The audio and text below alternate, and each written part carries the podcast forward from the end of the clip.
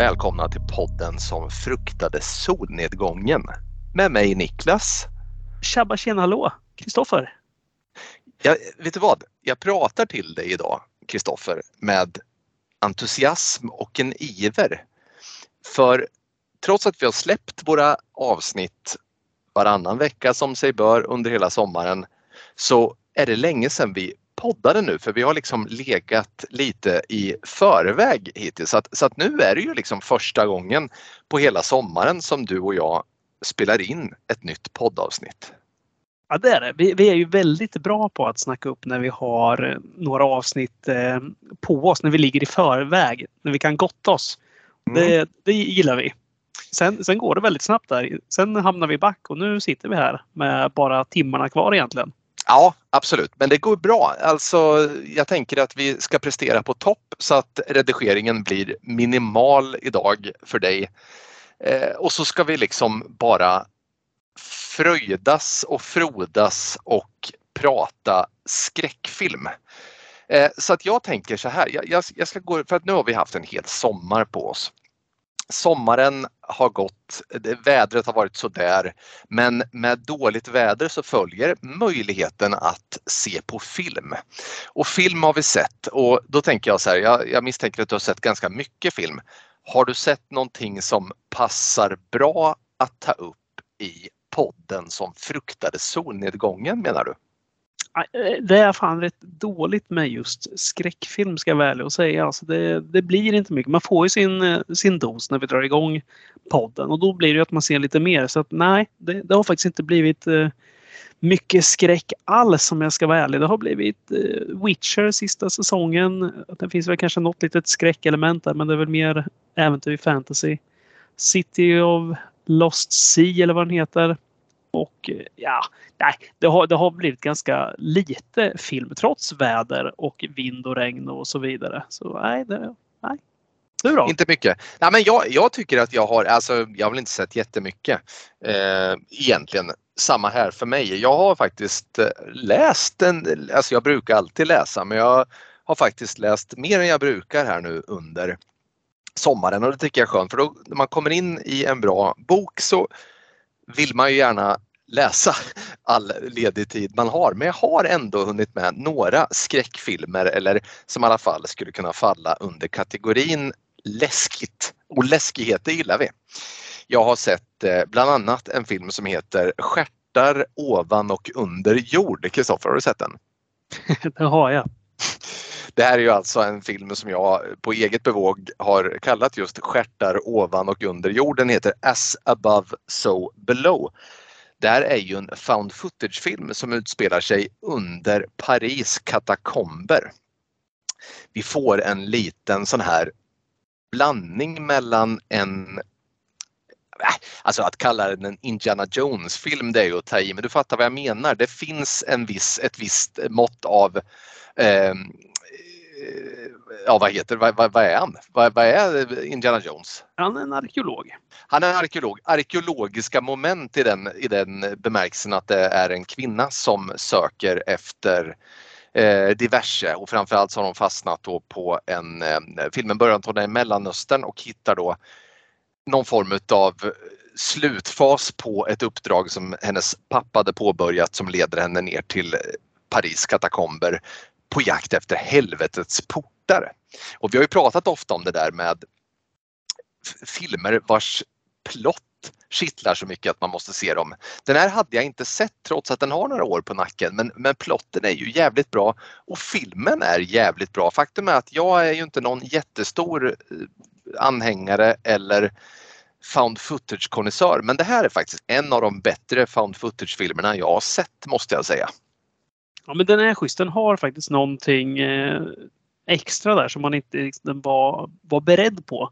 Alltså det blir, det blir både spännande och jävligt otäckt snabbt. Ja, och jag gillar också att när man börjar prata sen om att gå ner i när de börjar vandra, liksom, det blir nästan någon så här form av Dante, Dantes inferno. Liksom. Det känns som att de kommer längre och längre ner i helvetets olika kretsar. Liksom. Eh, men jag gillar också att man då tar sig friheten att presentera liksom helvetiska moment lite som man själv vill. Och det gör att filmen blir lite så här smått obegriplig på ett sätt men skrämmande på ett annat och jag gillar den där kombinationen. Jag tycker det var bra. Ja, nej, men den håller, den håller riktigt eh, hög klass. En av favoriterna är just found footage tycker jag. Ja, verkligen. Jag har sett eh, något betydligt mer, den här är ju också lättsmält naturligtvis, men jag har sett eh, någonting väldigt mycket mer lättsmält och det är alltså en, jag vet inte om det är en sån här eh, Netflix, Netflix Origins heter de va? De här mm. filmerna som bara kommer ut på Netflix ibland, men det finns en som heter Babysitter där och det finns en etta och det finns en tvåa. Och det är något så banalt som att en lite utstött grabb har en eh, snygg barnvakt som visar sig leda någon form av okult sataniskt sällskap som då ska offra folk för att framkalla Lucifer mer eller mindre. Eh, och det här är en, en blodfest. Det är eh, väldigt komiskt och det är väldigt lättsmält och det är väldigt blodigt. Har man liksom är man sugen på någonting som det bara ligga och hånflina åt så, så kan man med fördel se de här två filmerna. Tvåan är inte alls lika bra som den första filmen men den första filmen måste jag säga att jag skrattade gott åt så att det, eh, det kan jag rekommendera. Är det något du har sett? Ja, nej, nej, jag tror inte jag har sett just den om jag ska vara ärlig. Jag har sett någon annan som eh, den någon som eh, också är barnvakt och visar sig vara någon sån här djävulssekt.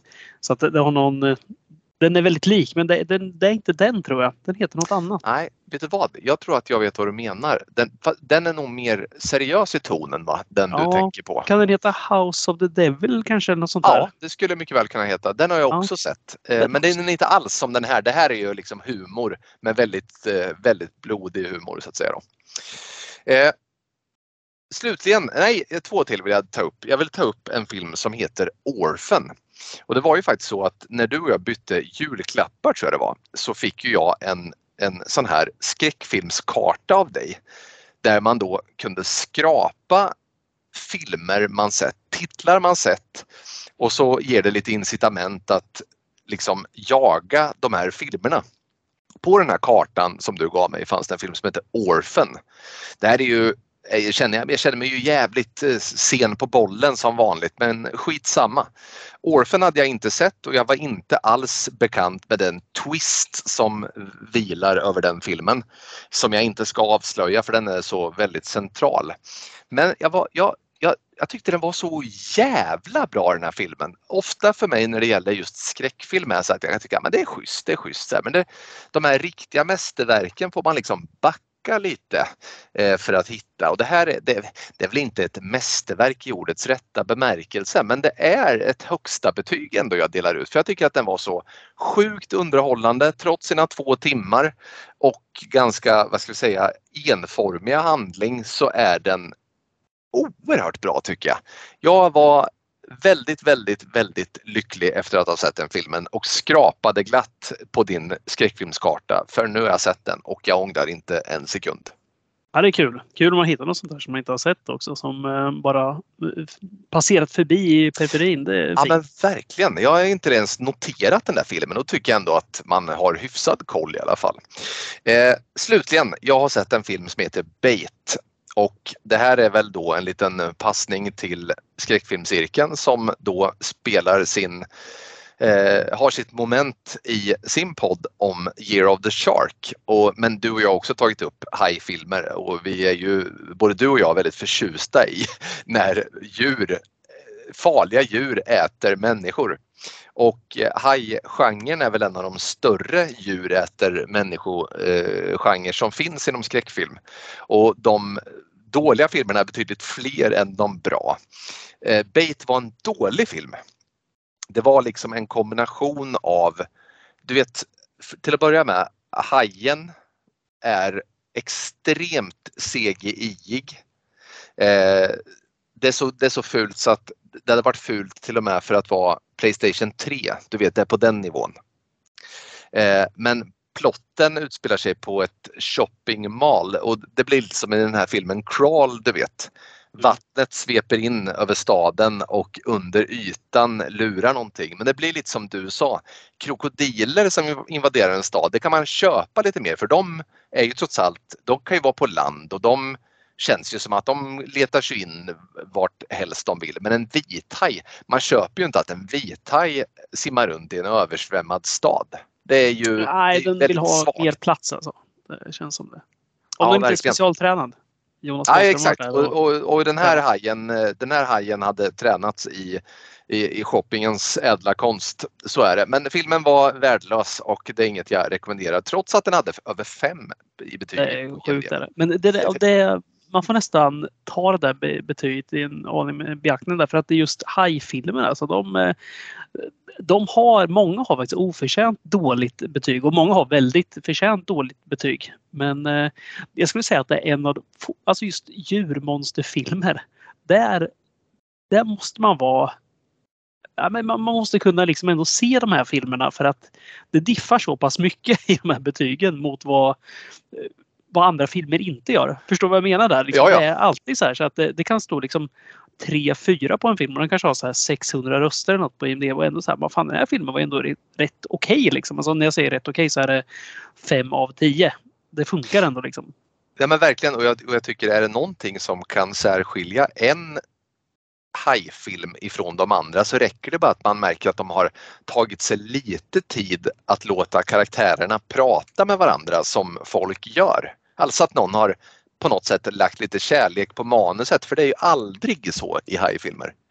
Nej, det är ju verkligen. Det är ju ett och samma manus i stort sett på alla de här, i alla fall på karaktärerna. Som sagt, det finns nästan alltid samma, alltid, nästan alltid en rip-off av Hajen och speciellt av borgmästaren i Hajen. Den ja. karaktären finns alltid med. Han är alltid med. Och vet du vem som var med i den här Bait för övrigt? Nej. Det fanns en gammal serie som gick på SVT förr som hette Niptack. Såg du den? Ja just det, de här plastikkirurgerna va? Exakt, den ena brodern där. Eh, han, han, hade hittat in i bait, alltså pengarna är ju slut antar jag. Det, det, det var så sorgligt. Man såg nästan att han, han tittade nästan under, han hade ingen lugg, men hade han haft, haft den så hade han tittat under den så att säga. Såklart. Fan, Nipptack, det var rätt okej okay, serie jag för mig. Ja, ja, den, ja. den var bra. Verkligen bra. SVT-serier alltså. Ofta, folk kan gnälla hur mycket de vill alltså, men jävlar vad hög kvalitet det ofta är på de serier som plockas in där. Ja precis, som sig bör kan man ju tycka också men som mm. sagt det, det, det, är faktiskt så. Det är en klass upp. Det är det. Men du, jag, jag missade en film som jag faktiskt har sett också. Jag kom på en skräckfilm som jag faktiskt har sett. Jag såg ju uppföljaren till X, alltså Ty West eh, filmen X. Jag såg den här Pearl, alltså prequelen till den filmen. Och det var trevligt. Den var, den var härlig. Det är en sån här film som gillar man X så kommer man gilla Pearl också vågar jag säga. Den är filmad på ett härligt sätt och det, det är ju dåtid då. Alltså det, vad är det? Andra världskriget är det vi får följa mm. henne under. Och den, den kan jag reka. Hade du hunnit se den nu? Nej, jag har inte hunnit se den men jag är väldigt avundsjuk för att jag har jag ju redan tagit upp men jag har varit väldigt förtjust i X. Jag mm. tycker mm. att det var ja, 20-talet nu då, eh, hittills eh, bästa skräckfilm i stort sett då. Eh, I konkurrens med Black Phone möjligtvis, men jag tyckte den var och, otroligt Orphan då också då? Ja, men den kom väl tidigare va? Kom inte den 2009 tror jag? Ja, men ja. Läkaren sitter det till 20-talet. Nej, 2000-talet skulle jag säga att det räknas till. Men 20-talet, 2020-talet. Du menar så, du menar? Ja, du menar ja, så. Ja. ja, jag är väldigt ja, det, det är så år. svårt där för du delar ut sådana oerhört höga betyg ofta så att jag har svårt att hänga med här. Ja, alla filmer är tydligen ja. mästerverk här. Ja, jag, jag, jag, väljer att se eh, på livet som eh, ett kärleksspel. Ja, det, jag det... Eh, berömmer snarare än sågar. Ja, det ska man göra. Det är inget fel med det. Nej men du, vad, vad kul. Det, det, är alltid roligt att prata lite vad man har sett för någonting. Och jag misstänker att nu när vi båda börjar jobba igen och eh, veckorna kanske återgår till eh, ja, lite mer rutin. Det, det brukar kunna bli lite mer film då. Ja, absolut, så är det. Vi ska väl också, vi, vi måste väl nästan göra så här, vi måste väl springa till bion och se The Meg 2. Alltså när vi ändå pratar hajfilm i det här avsnittet. Det vore inte jäkligt kul att se The Meg 2 nu. Jag tycker att vi ser The Meg 2 och sen så gör vi som vi inte brukar göra i podden. Vi poddar om den tycker jag. En ny film alltså. Ja, och vet du vad vi gör tycker jag? Jag tycker vi går och ser den här relativt snart. Så kan vi ta det till vårt nästa avsnitt som blir avsnitt 50. Så har vi en film som vi faktiskt är helt ny som vi kan briljera med. Och så himla underbart. Och vet du vad? Jason Statham är värd att få vara med i vårt 50 avsnittsfirande. Så att The Meg 2 avsnitt 50, det är väl en strålande idé? Ja, det låter väl bra. Det blir Mm. ju svinkul. Kom, får vi med honom till podden också? Det Hello, vore väldigt kul. Då kommer jag Ja, ställa det en fråga till honom hur han, vilken, vilket universitet han läste till marinbiolog på ska jag fråga. Och eh, tätt följd av hur mycket han bänkar. ja, ja, precis. Endast Och- en marinbiolog biolog som får den frågan. Ja, få- precis. ja, Ja, det det precis. Det finns väldigt mycket intressant att fråga en marinbiolog och vi väljer att fråga hur mycket han tar i bänk. Vi har inga preferenser, vi vet inte riktigt vad som är bra och dåligt. Nej, ingen aning. Vi bara Nej. nickar också. Det gör Ja. så dåligt i podd också. Vill tyst. Han, Jason har ingen aning om det här är bra eller dåligt. Han undrar var fan han har kommit någonstans. Ja, så kan det vara. Du, eh, innan vi pratar dagens film ska vi inte göra det som vi tycker är absolut roligast i livet. De här listorna som vi håller på med. Ja, gud vad härligt.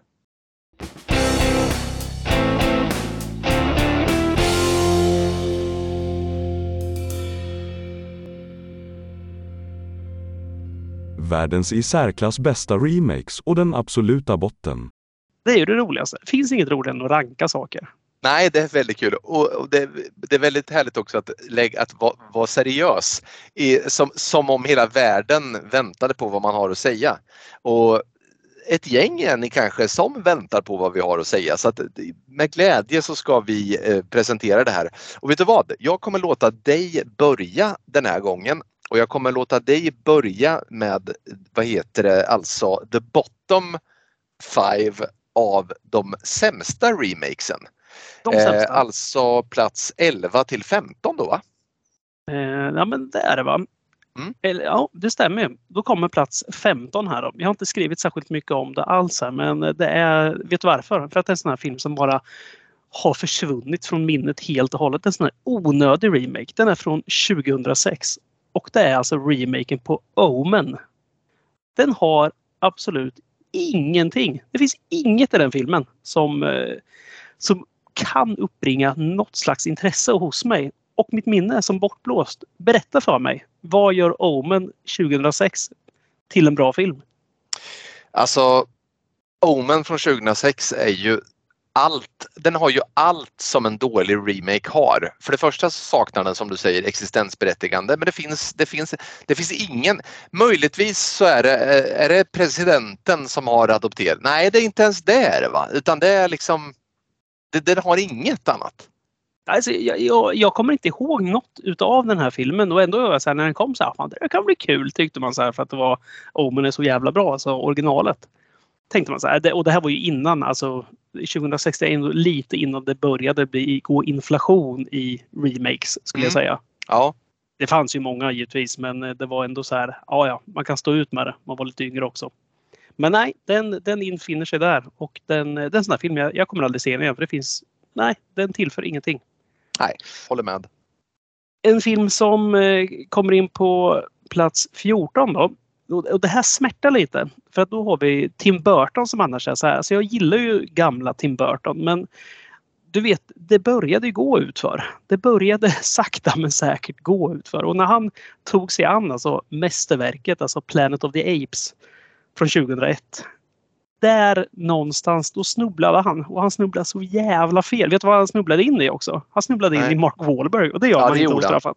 Den fan med där också. Ja precis. Det, ja. det är ju så här, alltså, Mark, jag, jag vill inte prata om dig i varje avsnitt för att jag, så mycket hatar jag inte men du, du liksom tvingar dig in i mitt liv genom att liksom förpesta filmer som jag vill kolla på. Och eh, 2001 så, ja, du var säkert stor där någonstans, men jag, jag tyckte inte om det då heller och du passar tyvärr inte i den här filmen alls. Du saknar karisma. Och de här aporna, alltså de... Det har inte hänt mycket i utvecklingen på de aporna sedan originalet va?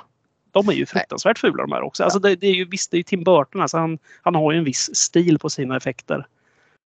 Men, Ja, ja, men, men visst är det så. Men jag, jag, jag måste säga, jag är väl en av dem som faktiskt uppskattar de här den här nya så att säga eh, Apornas planet-vågen som kom. Jag tycker flera av de filmerna är riktigt bra men just den här med Tim Burton den har verkligen ingenting att erbjuda. Ja, men jag håller med dig. Jag, jag tycker också de här nya är bra med Andy Serkins som den Mm. här apan. Han är ju vrålbra. Mm. Caesar jag- heter apan va? Exakt. Ja, Mm. Han är ju vrålcool. Ja. Den är bra. Men nej, den här andra. Nej, helvete vad dålig den är. Alltså. Ja visst, håller med. Och nu kommer det roliga. Jag satt och gick igenom alla de här remakesen som man kikade på och, så här, och tänkte så här, hur man ska skriva ihop den här listan. Och sen började man ju hitta så här, fan den här var dålig och den här var ruskigt kass och den här var ju bottenlöst dålig. Och då dök det upp ett namn som, som en röd tråd. Och det vart perfekt för den här podden också. Så jag, jag placerar en film från 2003 på fju- 13 plats och en film från 2009 då på 12. Nej, vad fan blir det? Vad är, är jag på 13? Eh, ja, du kommer till 13 nu, precis ja. Just. Ja. På 13 och 12 så kommer i alla fall Motorsågsmassakern, remaken från 2003. Och på platsen över kommer Fredag den 13 från 2009. Och den röda tråden här är ju, förutom att det är skräckfilm, det är att den här jäkla Marcus Nispel som han heter har gjort båda två. Och det här kan man ju tycka är någon slags så här, säga vad man vill om de här, om de här franchiserna. Alltså, men borde det inte vara någon slags regel att har man gjort liksom den ena får man faktiskt inte röra den andra kan jag tycka. Nej, jag kan, ja, precis. Verkligen. Så, så tycker jag faktiskt det är när det gäller han JJ Abrams också som gjorde både Star Trek och eh, Star Wars. Va? Ja, ja precis. Ja, men så, liksom, det, ja, det, det är så här, man korsar inte de där. Det, det gör man bara inte. Och de här är ju vråldåliga också. Det finns inget där. Jag vet att du gillar Fredag den 13 franchisen men jag har svårt att se att du... Jag tror inte vi har pratat ens om den här remaken särskilt mycket men den har liksom nada. Nej, det, det har den inte och den har ju framförallt så är den ju Den har ju inte ens ja, Den är helt fel i ton till att börja med och det är allvarligt. Ja. Och Motorsågsmassakern, kommer du ihåg något ens om den, av den här från 2003? Nej, alltså grejen är så här. Jag har väldigt svårt att hålla isär. Alltså det fanns ju någon så här, alltså någon så här, du vet, the beginning och det var någon som Mm. var 3D och så här. Jag vet inte vilken som är vilken om jag ska vara ärlig. Det känns bara som ett enda långt töcken av blod och motorsågar liksom. Ja, nej, den är ruggigt kast. Det är väl med Jessica Biel den här. Och, nej, Just den är bara just det, just det, just det, fruktansvärd. Ah, okej. Nog om den. Platsen ovanför går... Nu kommer två filmer från 2006 på båda de här placeringarna. Den första är Rosa Panten från 2006. Mm. Och det är väl lite så här alltså Steve Martin, Jean Reno och Kevin Klein. Nej, alltså nej, nej. Det fanns en Clouseau och det var ju alltså Peter Sellers. Det, eller Peter Sellers, det vet ju alla. Det går liksom inte att göra den här karaktären i, i nutid. Alltså det, den här humorn håller inte längre. Nej, Den, det, det, nej, precis. nej, Vet du vad, jag har inte sett den här. Den kom väl inte för, vad sa, vad sa, vilket år sa du? att den var ifrån? 2006. Ja, det är ju en ganska ny film ändå och som du säger, den har ju inget att erbjuda på 2000-talet så är det ju. Nej, det har den inte. Det är, det är inte liksom alls exakt samma humor längre. Alltså, men det, mycket av det är samma. Men eh, Steve Martin, hans datum, det är väl passerat. Alltså det sen bra många år tillbaks. Mm, han, eh, han, det var länge sedan han gjorde någonting tillfredsställande. Ja, alltså jag, jag försöker tänka tillbaka. Alltså, jag har aldrig varit något fan av Steve Martin, men jag vet att det finns en film med han och Michael Caine. Den här stod hos min farfar på VHS när jag var liten. Det kan vara något så här att man har något kärt eh, minne till den. Den heter på svenska Rivierans guldgossar. Ja, men den är väl härlig? Ja, och den är schysst för en sån här, eh, ja men inte heist-film liksom, men det är en sån här svindlarfilm liksom med två bedragare och det är så här gentlemannatjuvar. Gentlemannatjuvar, det gillar man. Ja, det gillar man. Det, är, eh, det går väl i så här rät linje från det som på medeltiden kanske skulle kallat för sprätthök. Och så blev det en gentlemannatjuv av det sen. Ja, ja så är det. Nej, den, den går fet bort den här filmen. Det finns inget i den som, eh, som är kul eller nödvändigt till varför den skulle ha gjorts. Och då Ja. kommer vi till eh, den nummer 11 här då. Och eh, oj oj, nu får man nog alla som drar en handtralla till Oscarsgalan efter sig misstänker jag. För att eh, den kanske inte passar på den här listan men den passar absolut inte på den bästa listan. Så då ska jag slänga ur med den här. Här får vi The Departed från 2006. Det fanns ingen anledning till att göra den här filmen heller. Och varför ska Martin Scorsese ens göra den? Infernal Affairs är bättre. Det är en bättre film. Den är bättre manus. Allt han har gjort har ju stulits rakt av av den här filmen som fanns. Och ändå ska den här belönas med Oscars. Det är sånt skämt. Alltså hela filmindustrin är ett skämt. Det här var det ögonblicket när det sket sig i Hollywood. Det är, det är inget fel på filmen i sig alltså, om den hade kommit separat. Nej. Men det är ett hån när just Martin Scorsese gör den. Hade det varit någon Fa- annan, låt den där jävla Marcus Nispel göra den då istället. Mm. Mordslagsmassakern fredag den 13 och sen gör han The Departed. Fine. Ja, det hade ja, varit en grej. Men han hade ju aldrig Verkligen. fått en Oscar som, även om han hade gjort den så här. Inget Nej. fel på filmen som sagt. Men det är så jävla tråkigt bara att det är fattigt ja. Och det är synd också. Med alla jäkla bra filmer som Martin Scorsese har gjort så är det först där han får Oscar. Så kanske han har fått några efter det, vad vet jag. Jag har dålig koll på Oscarsvinnare sådär känner jag. I alla fall Men i modern tid. Ja, men vet du vad det är av Scorsese? Alltså nu högaktar jag Scorsese för allt annat han har gjort. Men det är så, alltså, det är så billigt att göra den här. Det, Ja. det gör man inte. Det är som att Nej. det är som att Bruce Springsteen skulle gå ut och göra eh, Gimme Gimme Gimme cover av ABBA. Liksom. Det, Ja. det, så det hade varit så svagt. Det hade liksom, jag hade tappat allt hopp Mm. om honom då. Nej, men så är det ju faktiskt. Så får Och man som inte sagt var, göra. det, nej, och det här är ju en lista som är jag, jag tycker att det är, det är det här som är poängen med de här listorna som vi gör nu, vilket vi också kommer märka på min lista. Att det är inte nödvändigtvis det som är den filmiskt sett sämsta remaken utan det kan också göra med originalet kvalitet fortfarande och hur onödig remaken är. Så jag tycker absolut att det är rättfärdigat att kalla The Departed för en sån dålig film. Ja, härligt om man får lite medhåll här. Men du, ska, vi, ska jag köra igenom de bra också här medan jag ändå har ordet? Ja, nu har vill du, har du emellan? uppe. Kör du. Ja, jag har det. Jag vill ju inte bara basha. Det är så jäkla tråkigt att göra. Så att, Mm. eh, jag tar väl eh, nummer 15 blir det då. Mm. På de bra remakesen istället. Mm. Och eh, då får en film från 2012 hoppa in direkt här och det är Tarantinos Django Unchained. För att eh, ja, men den här är cool. Och det, det är jäkligt roligt att se en western av Tarantino också. Och eh, jag brukar inte gilla, vad heter det, tappar jag namnet här, vad, vad heter han? I, Jamie Foxx heter han. Mm. Jag brukar ha svårt för honom men i den här är han ju ruggigt cool. Och Mm. eh, det är många ruggigt balla karaktärer i den här filmen. Som, eh, som kör. Och Som kanske- sig bör när det är Tarantino.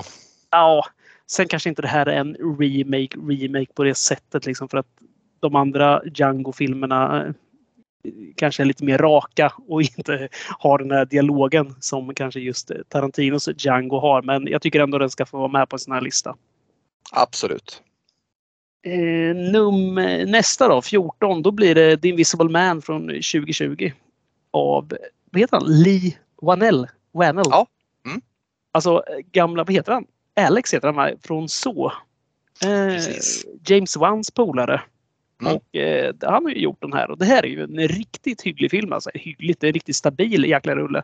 Den Mm. här är ju otäck på ett bra sätt. Den liksom tillför något nytt i genren också. Ja, Här sitter verkligen. man ju på spänn.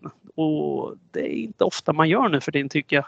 Det- Utan att det liksom blir för mycket åt något håll. Det är mer en klassisk liksom Ja men skräckthriller liksom. Den, nej, men den här Ja, det är en riktig nagelbitar-thriller. Jag tycker Ja, den verkligen. var otroligt bra faktiskt.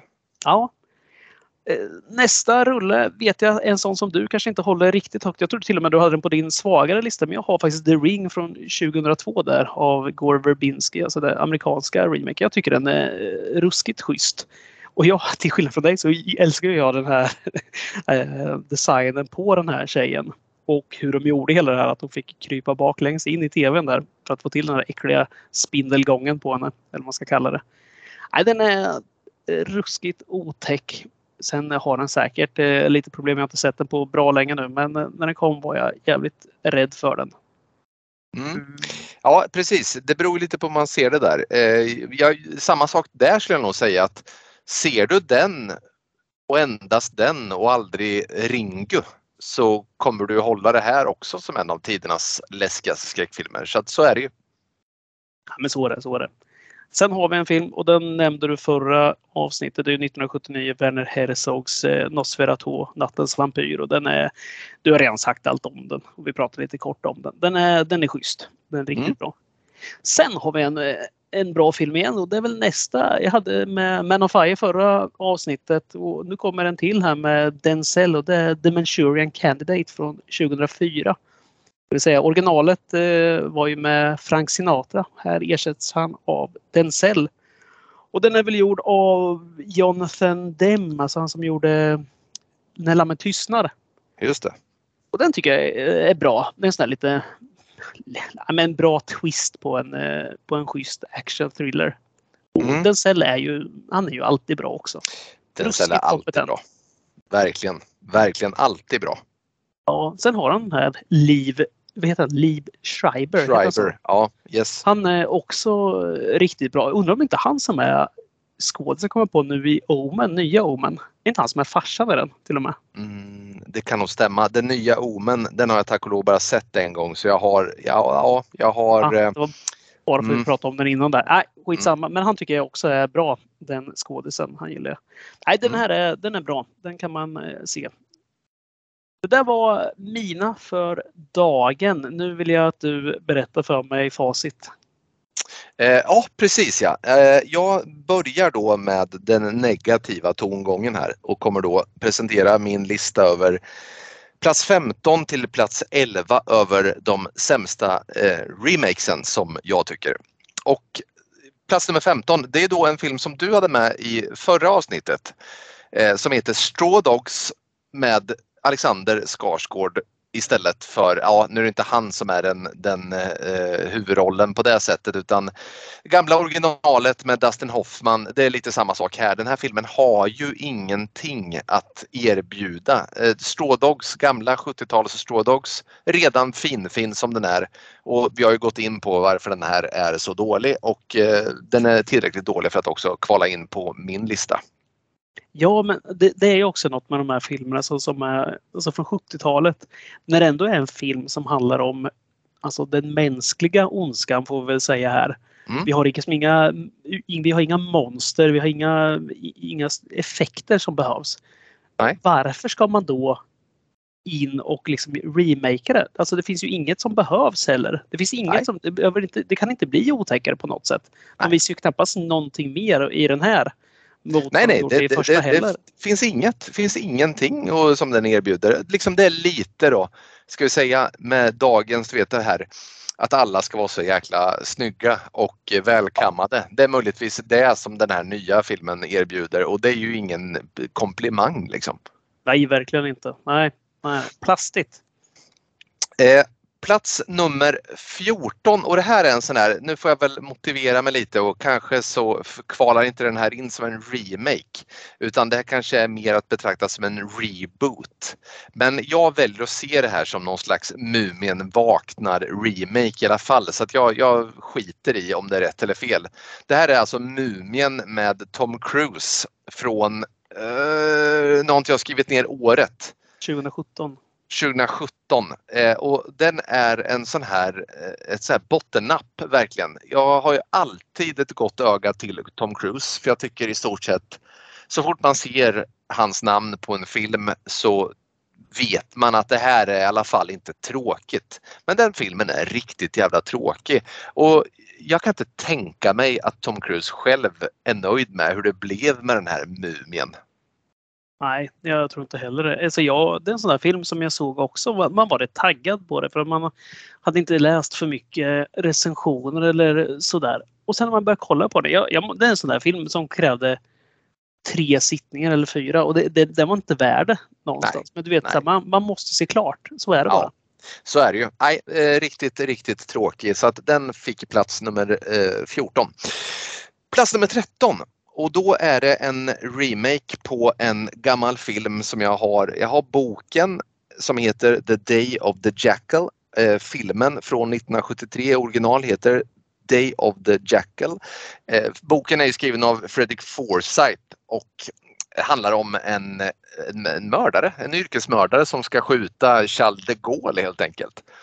I den här remaken så är, kommer inte jag ihåg vem som är target för Eh, schakalen som då spelas av Bruce Willis jagad av någon sån här gammal fängelseintern i Richard Gere. Och nej, jag, jag, tycker bara att jag, jag hade ju sett originalet före jag såg den här remaken när den kom 97 och jag bara tycker att så här, du vet, det är så fattigt. Det är så fattigt bara. Eh, liksom när det gäller den här gammal, gamla 70-talsnerven som finns i originalet så är det liksom en så här mumlande Richard Gere som skiter i allt och en mumlande Tom Cruise som, eller Tom, eh, förlåt, Bruce Willis som också skiter i allt. Nej, jag är väldigt, väldigt, väldigt angelägen om att man skiter i remaken på Schakalen och ser Day of the Jackal istället från 1973. Mm. Det är en sån där som ofta letar sig in på såna här listor för den är ju ruggigt dålig. Mm. Annars är det så här, Richard Gere brukar ändå på den tiden ändå vara hygglig. Sen, ja, men han är väl ganska hygglig jämt. Och Bruce Willis var väl ändå bra på den här tiden också. Ja, det är ju 90-tal alltså. Det är ju Ja, är ju... Storhetstiden ändå. Ja, verkligen. Absolut. Men det är väl samma alltså... år som kom inte femte elementet 97 också. Jag tror det liksom det, han står ju på toppen där liksom. Ja, kommer han in här med långt hår, någon slags peruk där. Annars mm. vrålblond har jag för mig va? Ja, men han ändrar utseende genom filmen sådär så att uh, han ser ut lite lite hit och dit. Och Jack ja, Black, Jack Black Ja, exakt. Han får väl sin mm. arm avskjuten va? Ja, precis. Här, ja. ställer in siktet i något så här supervapen. Och Sidney, ja, vad heter han? På, på, på att här. På, på, på, på, på mm. Mm. Ja just det. Ja, ja, men det, ja det, man kommer ihåg ändå rätt mycket av den vill jag minnas. För det är en sån där film som alltid gick på så här, sexan action. Du vet, så här, klockan nio en, eh, ja. en onsdag eller vad det var. Jämt. Och grejen är att den är stjärnspäckad och grejen är att premissen är kittlande. Det är en bra premiss men filmen har redan gjorts och är bättre i original. Det är det som är problemet här. Eh, plats nummer 12. Då finns det ett original där som, som jag verkligen gillar. Eh, som heter Låt den rätte komma in. Och en remake var jänkarna tvungna att göra såklart eftersom man inte kan se utländsk film. Och då var det Let Me In. Och här är väl jag lite som som du är när det gäller The Departed. Då. Jag, jag, jag tycker liksom att den här filmen, liksom alla andra dåliga remakes, saknar existensberättigande. Den här filmen har ingenting som inte är bättre i den svenska originalet. Eh, jag, jag bara tycker att det är så jävla eh, futtigt att vara en sån människa som väljer att se den här istället. Och, och, och tycka liksom att det är gott nog. Man behöver inte se originalet. Jag pratar då i egenskap av att man inte är svensk naturligtvis. Är man svensk så ligger det närmare till hands. Men det är ju det, det förstör liksom film att hålla på på det här sättet. Så att det, det allt mitt hat drabbar den här av den anledningen. Du vet att det sitter en, eh, en klump människor där ute som har bara sett just uh, Let Me In, Men Who Hates Women och mm. The Departed och håller dem extremt högt just nu. Ja precis och sitter kanske inte ens vet att det är remakes liksom. Ja. Lamberts bok heter väl Let Me In? ja, troligtvis. det, det dammar av den gamla, det, det av den gamla snytingen igen. Det, det, är ju någonting att jag, jag, jag, jag, vill ju gärna förolämpa både Mark Wahlberg och eh, Lambert så ofta jag kan. Här. Ja, Tack jag vet inte varför. Slår men du, det slår ju ofta underifrån tack och lov. Ditt inflytande i den mediala världen är ju väldigt, väldigt, väldigt sparsmakat så att säga. Väldigt begränsat. Mm. En dag när den här podden slår eh, för den breda massan ja. då eh, kommer stämningsansökningarna ja, hagla in här. Mm, ja, eh, och, och jag, kommer bara peka, jag kommer bara peka vidare mot dig här och spela oförstående. Vi kommer aldrig bli bjudna på Lamberts boksläpp heller. Det är Troligtvis inte. Troligtvis Nej, det vågar jag inte. Jag skulle aldrig våga gå dit heller. Vet aldrig vad man vaknar upp med. Nej, usch ja. På tal om vakna upp. Eh, plats nummer 11 mardrömsfilmen då, A Nightmare on Elm Street. Då pratar vi inte om den gamla klassiska, vi har ju faktiskt avhandlat den här serien, men just den här filmen eh, skippade vi i vår eh, franchise om Nightmare on Elm Street. Och tack och lov gjorde vi det för att det här är en riktigt usel film. Jag är inte beredd att göra avkall på Robert Englund som Freddy Krueger. Nu är det han den här mannen som är med i Watchmen och spelar någon figur med någon form av bläck Ja, jag vet inte fan. Den är usel i alla fall. Det här är en riktigt dålig remake som är alldeles också precis som fredag den 13 helt fel i tonen. Jag tycker inte att den här på något sätt erbjuder någonting nytt i Elm Street utan den kan bara, man kan bara skita i den här faktiskt. Skulle det kunna vara så här att just Elm Street, alltså den ton som hela den eh, franchisen satte. Nu är den första lite mörkare än många av de andra, får man ju Mm. ge den. Mm. Men den tonen där den ändå har det här, alltså som Freddy Krugers glimten i ögat, alltså snabba one-liners och liknande. Mm. Den har nog jäkligt svårt att göra sig i nutid tror jag. Just Mm. att få till den tonen för att jag kan nog inte se sådana filmer längre utan att liksom, jag, jag kan inte se skräcken i dem utan det för mig blir det bara humor då istället. Ja, Och det, ja liksom, det ramlar över. Det är lite som de här eh, vad, vad- vad heter de här lågbudgetfilmerna med den här clownen nu som, eh, som alltid har skrämt slag på alla och alla har spytt i Terrifier eller? Ja exakt, exakt. Mm. Alltså det, det går liksom inte. Alltså det, jag har otroligt svårt för just den här den typen. Den är bra mycket blodigare och råare liksom. Men, Mm. ja, men det här när det ska försöka vara lite kul också. Jag, jag, jag tycker liksom inte det funkar. Jag, jag har svårt för det. Nej, jag håller med. Alltså, det är ju någonting. Jag tycker framförallt så här att man gör en film så tycker jag nog ändå på något sätt. Ja, nu talar jag. eh, Vi tillåter oss ju ofta att tala emot vad, eh, vad vi har sagt i ena sekunden. För att jag älskar ju Sam Raimi och hans skräckkomedier och, och han vet ju inte alltid heller kanske exakt vilket ben han ska stå på i och med att det är ju skräckkomedier. Men jag kan hålla med dig. Jag kan tycka att man ändå får lägga an en ton som man sen ska försöka hålla och när det blir den här typiska avarten som vi ser i till exempel Terror på Elm Street eller för all del Terrifier som du sa nu så är det, det, blir, nej, det blir bara skit med alltihop. Ja, ja. Men du, nu är jag eh, god, god som jag är så är jag trött på att eh, slänga skit omkring mig nu så att nu vill jag gärna beta av fem filmer som är bra, fem remakes som jag håller högt. Eh, och plats nummer 15, ja, men, d- då är det 1986 och det är remaken på The Fly, alltså David Cronenbergs Flugan. Eh, och, och den här filmen tycker jag är väldigt, väldigt, väldigt bra. Just för att jag tycker att effekterna är fantastiska. Jag tycker att den erbjuder en annan typ av filosofisk dimension som inte riktigt, jo det finns väl i originalet också men jag tycker ändå på något sätt att det gifter sig bättre i den här remaken. Eh, jag är ju väldigt förtjust i Gina Davis har alltid varit eh, och Jeff Goldblum har nu fått någon så här form av kultvärde ju. Eh, jag tycker, att, jag tycker att den här remaken erbjuder väldigt många element som saknas i originalet och därför så är det en bra remake. Mm, kan bara hålla med dig. Jag inser direkt att jag saknar den på min lista här för att jag glömde bort den. Men det, det är Ja. bara skönt. Men jag håller helt med dig. Alltså, det här är ju en fantastisk film. Jag, man är ju jävligt svag för body horror också. Alltså, det är Ja. ju något, just, just från det här årtalet också när alltså, dataeffekterna inte härskade och liksom vandrade världen över utan när det faktiskt slafs var slafs. Alltså, Ja, det satt någon och slafsade i bakgrunden. ja, ja, ja. det är underbart. det, ja men det är underbart för att det tillför liksom det här. Det, det, allting annat blir bara platt.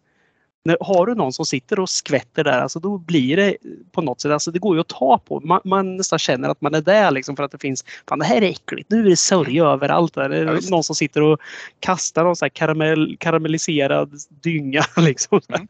Och det, nej, jag älskar det alltså.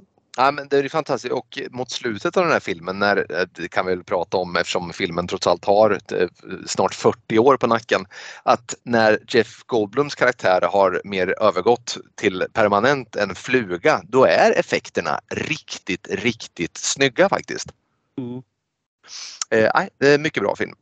Eh, plats nummer 14 och då sa du eh, The Ring på en bra lista Eh, när jag hade den på min dåliga. Nu blir det tvärtom. Nu tar jag en film som du har på din dåliga lista men som jag har på min bra lista och här vet jag att jag står tämligen ensam. Men jag gillar ju The Wolfman, den remaken som kom med Benicio del Toro och Anthony Hopkins. Jag tycker nämligen att den är jäkligt blodig och sen är det någonting med varulven. Vi har ju bland annat pratat om Silver Bullet här. Jag tycker att det är ett härligt väsen som jag gärna ser mer av i film. Och jag tycker att de här miljöerna eh, som finns i den här remaken är jäkligt eh, snygga. Sen kanske den rent filmiskt alltså inte är lika ihågkommen såklart som sitt original. Men jag tycker att det här är en schysst remake som man gott kan se. Eh, plats nummer 13. Det här är ju nu är jag ju där igen och, och, fiskar lite grann där det kanske inte ska fiskas. Det här är ju inte riktigt en remake men den på något sätt har tagit namn av samma bok av Ian Fleming och det här är Casino Royale jag tar med för det finns ju trots allt en eh, Bondfilm från 60-talet med bland andra Peter Sellers som inte alls har samma handling jag väljer ändå att tolka in det här som en remake, en väldigt lyckad sådan. Eh, med Daniel Craig då som James Bond såklart. Eh, Mads Mikkelsen som en blodgråtande skurk också. Jag tycker att det här är en fin, fin film även om det kanske inte är en remake i ordets rätta bemärkelse. Plats nummer 12. Nu är jag igång där igen och eh, pratar om en remake som är, alltså när jag pratade om Flugan då tycker jag ändå att det är en en, eh, en remake som trots allt, alltså originalet Flugan den har ju någonting också.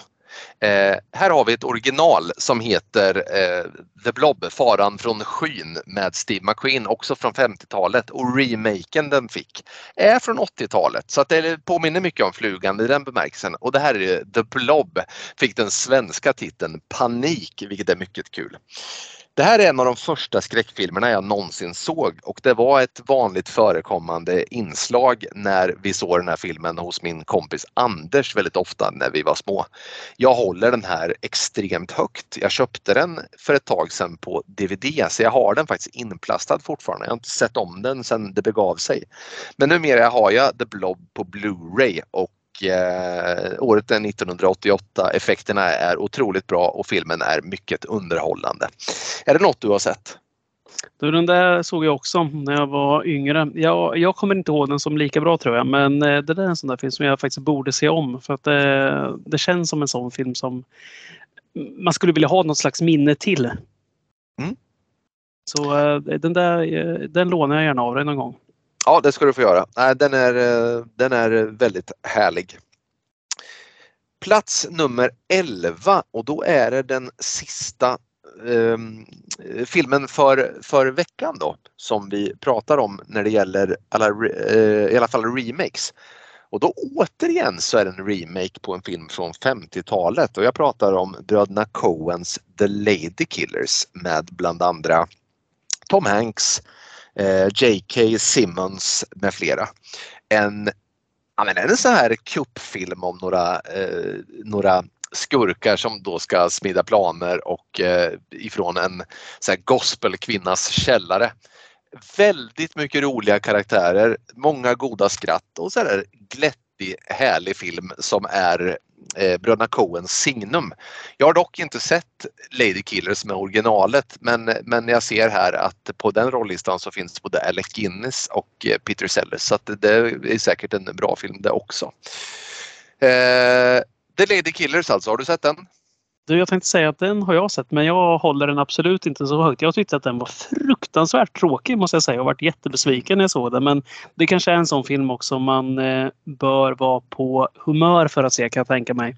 För att jag förväntar mig nog du vet så här, Bröderna Coen. Jag tror jag förväntade mig en annan typ av film där. För den här är bra mycket ljusare än många av deras andra filmer.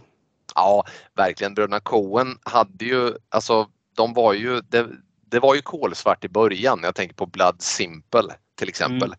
För att sen ah, bli lite gladare under en period. De hade någon maffiafilm där också tidigt 90-tal. Ja, men Millers Crossing tänker Millers på. Crossing ja, det ja, var också lite mörk. Fargo också är ganska mörk eh, också. Ja absolut. Men, men sen går de in en liten period, speciellt i början av 2000-talet och då är det väl också lite i kölvattnet av Oh Brother Where Art Thou som kom 2000. Mm. Nej men jag tyckte den här filmen var, jag hade nog, jag, jag för mig att jag såg den här just för att jag hade sett den på någon lista sådär att ja, men den här är riktigt kass. Precis som, som jag såg på en lista att den här med George Clooney, den här Intolerable Cruelty med George Clooney och Catherine Zeta-Jones eh, också var kass. Jag såg båda dem och tyckte att Boah, men fan, det, det här är lite dåligt. Så och, och, nej, jag har alltid gillat bröderna Coen så jag, jag skrattade gott åt den här filmen faktiskt. Så att den platsar på min lista. Ja, men det så ska det vara. De ska vara olika våra listor. Det hade varit mm. jävligt tråkigt annars. Verkligen. Men du, då ser vi fram emot eh, fortsättningen som har nu kommit ner till topp 10 eh, med start nästa vecka. Du, nu är det dags att prata om dagens film. Och du fick ju då bestämma eh, premissen för den här filmen. Mm. Du bestämde att det skulle vara en eh, monsterfilm ifrån 90-talet. Och, och, du fick då eh, välja filmen. Mm, mm, precis, och jag var inne ett tag på att välja antingen Mimic eller The Relic för det var ju två stycken sådana här som kom som jag såg på bio båda två. Men jag kom på, det slog mig att jag har inte sett dem sedan dess men de kändes så mörka. Då menar jag inte mörka som i du vet mörka i tonen utan att de faktiskt var mörka. Det var svårt att se vad som hände på, på, på, på skärmen. Liksom. Jag ja, såg fan är det så. Jag såg monstret överhuvudtaget för det var för ja, svart. Liksom. Vilken av dem är det som är gjord av Guillermo del Toro? Är det Relic? Jag tror det är Relic. Ja, Nej förresten, är... är det, eller är det Mimic? Är det, eh, vi ska se. Det, det står still här men skitsamma i vilket fall. Den filmen är ju kolsvart alltså och inte som att den är kolsvart. Mimic. Mimic. Ja, Mimic då. Mm. Den är så mörk, alltså filmad så mörk. Jag vet ja. inte om det är för att det liksom var svårt att få till ett snyggt monster eller liknande men den är ju otroligt mörk. Mm. Det är oförlåtligt faktiskt. Alltså man ser ingenting. Nej, eh, så, så, kan man göra en film också. Om man inte är nöjd med den, bara sänka ner ljuset. ja precis, bara dölja. Nej, så det, det, fick, eh, det fick gå åt sidan för en lite mer, du vet hur jag är, lite mer upptempo-film som inte i alla fall döljer sina färger. Mm. Eh, vilken film har vi sett? Vi har sett Faculty från 1997 va? 98, förlåt. 98, 98 till och med. Mm. Av Robert Rodriguez. Ja, Robert Rodriguez. Vad har vi på honom då? Han är ju en, eh, en eh, gammal eh, följeslagare får vi säga. Ja, men han är ju alltså ständiga kompanjonen till Tarantino. Alltså, gjort mycket sådana här. Stort fan av Grindhouse-filmer, vilket även gjort en film som heter just Grindhouse. Spy Kids skapare är han väl också om jag inte minns helt fel här. Vad heter den här med Danny Trejo eller Trejo? Är ju med i alla Machete va? Ja, ja exakt. Mm. Nej, men eh, en eh, kompetent regissör på det sättet. Och det, det, man får väl säga att liksom hans filmer, alltså signum här är väl att det, det är ett rätt rappt tempo och kanske inte, hans styrka kanske inte riktigt ligger i det filmiska berättandet hela tiden utan mer, alltså det här är ju underhållning. Det är det det går ut på. Och det känns som att han, liksom, han lägger ju inget emellan till när det kommer att driva med sig själv heller. Det känns Nej. som att han alltid så här, han, han, han driver med klyschorna som genren alltid erbjuder och han tar dem eh, han tar klyschorna på allvar men ändå med glimten i ögat på något sätt. Mm. Ja, så är det verkligen. Nej, men det här, det här är en, eh, ja, men det här är en stabil film. Det kan vi väl enas om direkt tror jag. Alltså det, mm. den, och den är väl också en sån här, den, den ligger rätt i tiden. 98 är ju perfekt år att släppa den om man ska ha släppt den.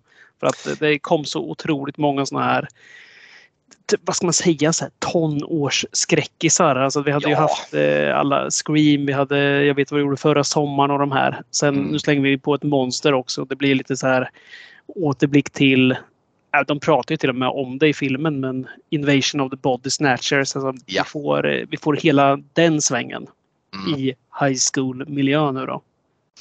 Och det båda har gått redan inledningsvis när uh, The Kids Aren't Alright med Offspring spelas. Det är det första som händer.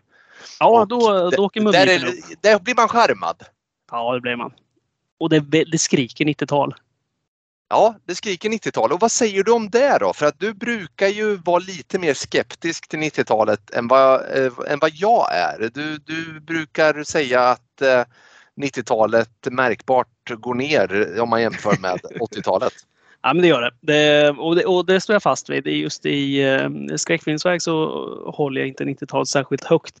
Men jag skulle inte säga, säga att kanske klassa den här som ren skräck heller. Det här är nog en sån. Eh, som sagt, vi får ju äta upp våra ord jävligt snabbt ofta när mm. vi pratar om. Och det här är en sån film som kanske den står ju taggad som horror, mystery, sci-fi. Men jag skulle nog slänga in horror, mystery, comedy, sci-fi i den här. För att det är, det är väldigt mycket glimten i ögat och väldigt eh, ja, men, dialogen är ganska rolig ofta också, tycker jag. Ja, visst, visst, så att, visst. Eh, det, det är ingen sån här som du skulle behöva sätta en 15-årsgräns på den här filmen. Utan det här är väl en 11-årsfilm. Eh, hoppas jag. Eh, ja, ja, men det, det, skulle jag nog påstå. Eh, jag försöker minnas nu att det, det är klart, det finns väl några scener så där som är lite åt det, det eh, blodigare slaget också. Ganska drogliberal film. Eh, det finns väl vissa saker som skulle kunna omöjliggöra för en alltför ung tittare att se men det är ju inte som, det är, det är liksom ingen, det är ingen som håller dig vaken på natten om du är för ung. Det tror jag absolut inte. Nej, nej men precis. Nej, men det är något med det här 90-talet. Alltså, jag, jag vet inte, jag, eh, alla årtionden har sin charm på något sätt. Liksom 80-talet är ju alltid, alltså det jag alltid lutar mig tillbaka till och återvänder till. 90-talet har liksom inte det här coola kläderna på samma sätt. Nu får jag väl alla emot mig som säger att 80-talet är de fulaste kläderna i världen. Ja, kanske, men de är mest ihågkomna. 90-talskläderna, ja, det är ju vad Josh Hartnett bär i den här filmen. Det är alltså en alldeles för stor t-shirt med en sån här långärmad t-shirt under och någon slags byxor. Så här, McGordon jeans i någon så här opassform också. Förstår du vad jag menar då? Ja, ja, ja, Alla gick i de där jävla t-shirtarna med en t-shirt mm. under som var mm. långa. Ja, det kändes bara standard. Och sen mm. för, lite för mycket vax i håret också. Absolut. Dags, eh, gärna vax. Ja, men, och så gärna sådär att vax, han har ju gjort, frillan har säkert tagit hundra år att göra men den ska se ovårdad ut. Det var väl så klassiskt. Ja, och det gör det verkligen på hans karaktär, hans Sika ja. också. Som, eh, mm. som har någon slags jag vet inte, någon sån omvänd djävulsfrilla lite. Det är så här, liksom, det, hornen står ut liksom där bak nästan. Ja, jag vet. Det, det ser väldigt kul ut. Faktiskt. Är det den skummaste frisyren man någonsin har sett? Ja, faktiskt. Alltså är det, det, mest, är det den mest fixade fula frisyren du har sett? Så, ja, ska se ja, ofixad ut. Ja, den är man hade ju sett iväg sitt barn om man ser ut sådär i håret. Nej, det är ju eh. tur att han är föräldrar, mer eller mindre föräldralös den här karaktären. Mm, så ja, verkligen. Kanske därför han kommer undan med Men du, ska vi göra så här då? Jag, bara för att det inte ska bli obegripligt där. Jag eh, kan läsa en liten premiss för dig. Eh, går det bra? Ja, om du gör det med fin röst. Jag använder min finaste. När ett par ungdomar på Harrington High School blir vittne till mordet på skolsjuksköterskan och därefter ser henne levande igen bestämmer de sig för att undersöka de bisarra händelserna. Ja, tack så hemskt mycket Niklas. Du, eh, det, är ju en, eh, det är ju inte världens mest avancerade plott vi har att göra med här. Nej, det är det inte. Eh, det är det inte. Utan det här är ju, och vi nämnde det tidigare, jag tycker att man sätter an tonen redan från första början här när vi ser den här Eh, ja, men high school-miljön och man spelar The Offspring och som du har förtjänstfullt berättat om de här klassiska 90-talskläderna. Ja, t-shirt med en t-shirt under, t-shirtströja under. Det kunde också kanske varit en flanellskjorta som är uppknäppt så en alldeles för stor t-shirt var under den. Vad vet jag. Men, men, men du, stjärnspäckad är filmen. Ja, ja det, det, är den ju. Alltså, men det är också lite så här så att den är stjärnspäckad med med folk som inte riktigt har slagit igenom ännu. Alltså Salma Hayek är ju en sån här Robert Rodriguez eh, ständigt återkommande ja. skådis. Hon är ju med allt som han har någonsin rört vid. Det är väl hans våta dröm någonstans misstänker jag. Det är jag eh, Vem kan klandra honom? Känns som att hon har fått mycket opassande förslag av Rodriguez under inspelningarnas gång. Men ändå Säkert. kommer tillbaka. Det finns ju Säkert. ingen som får lika mycket betalt som Salma Hayek får av Robert Rodriguez i hans filmer.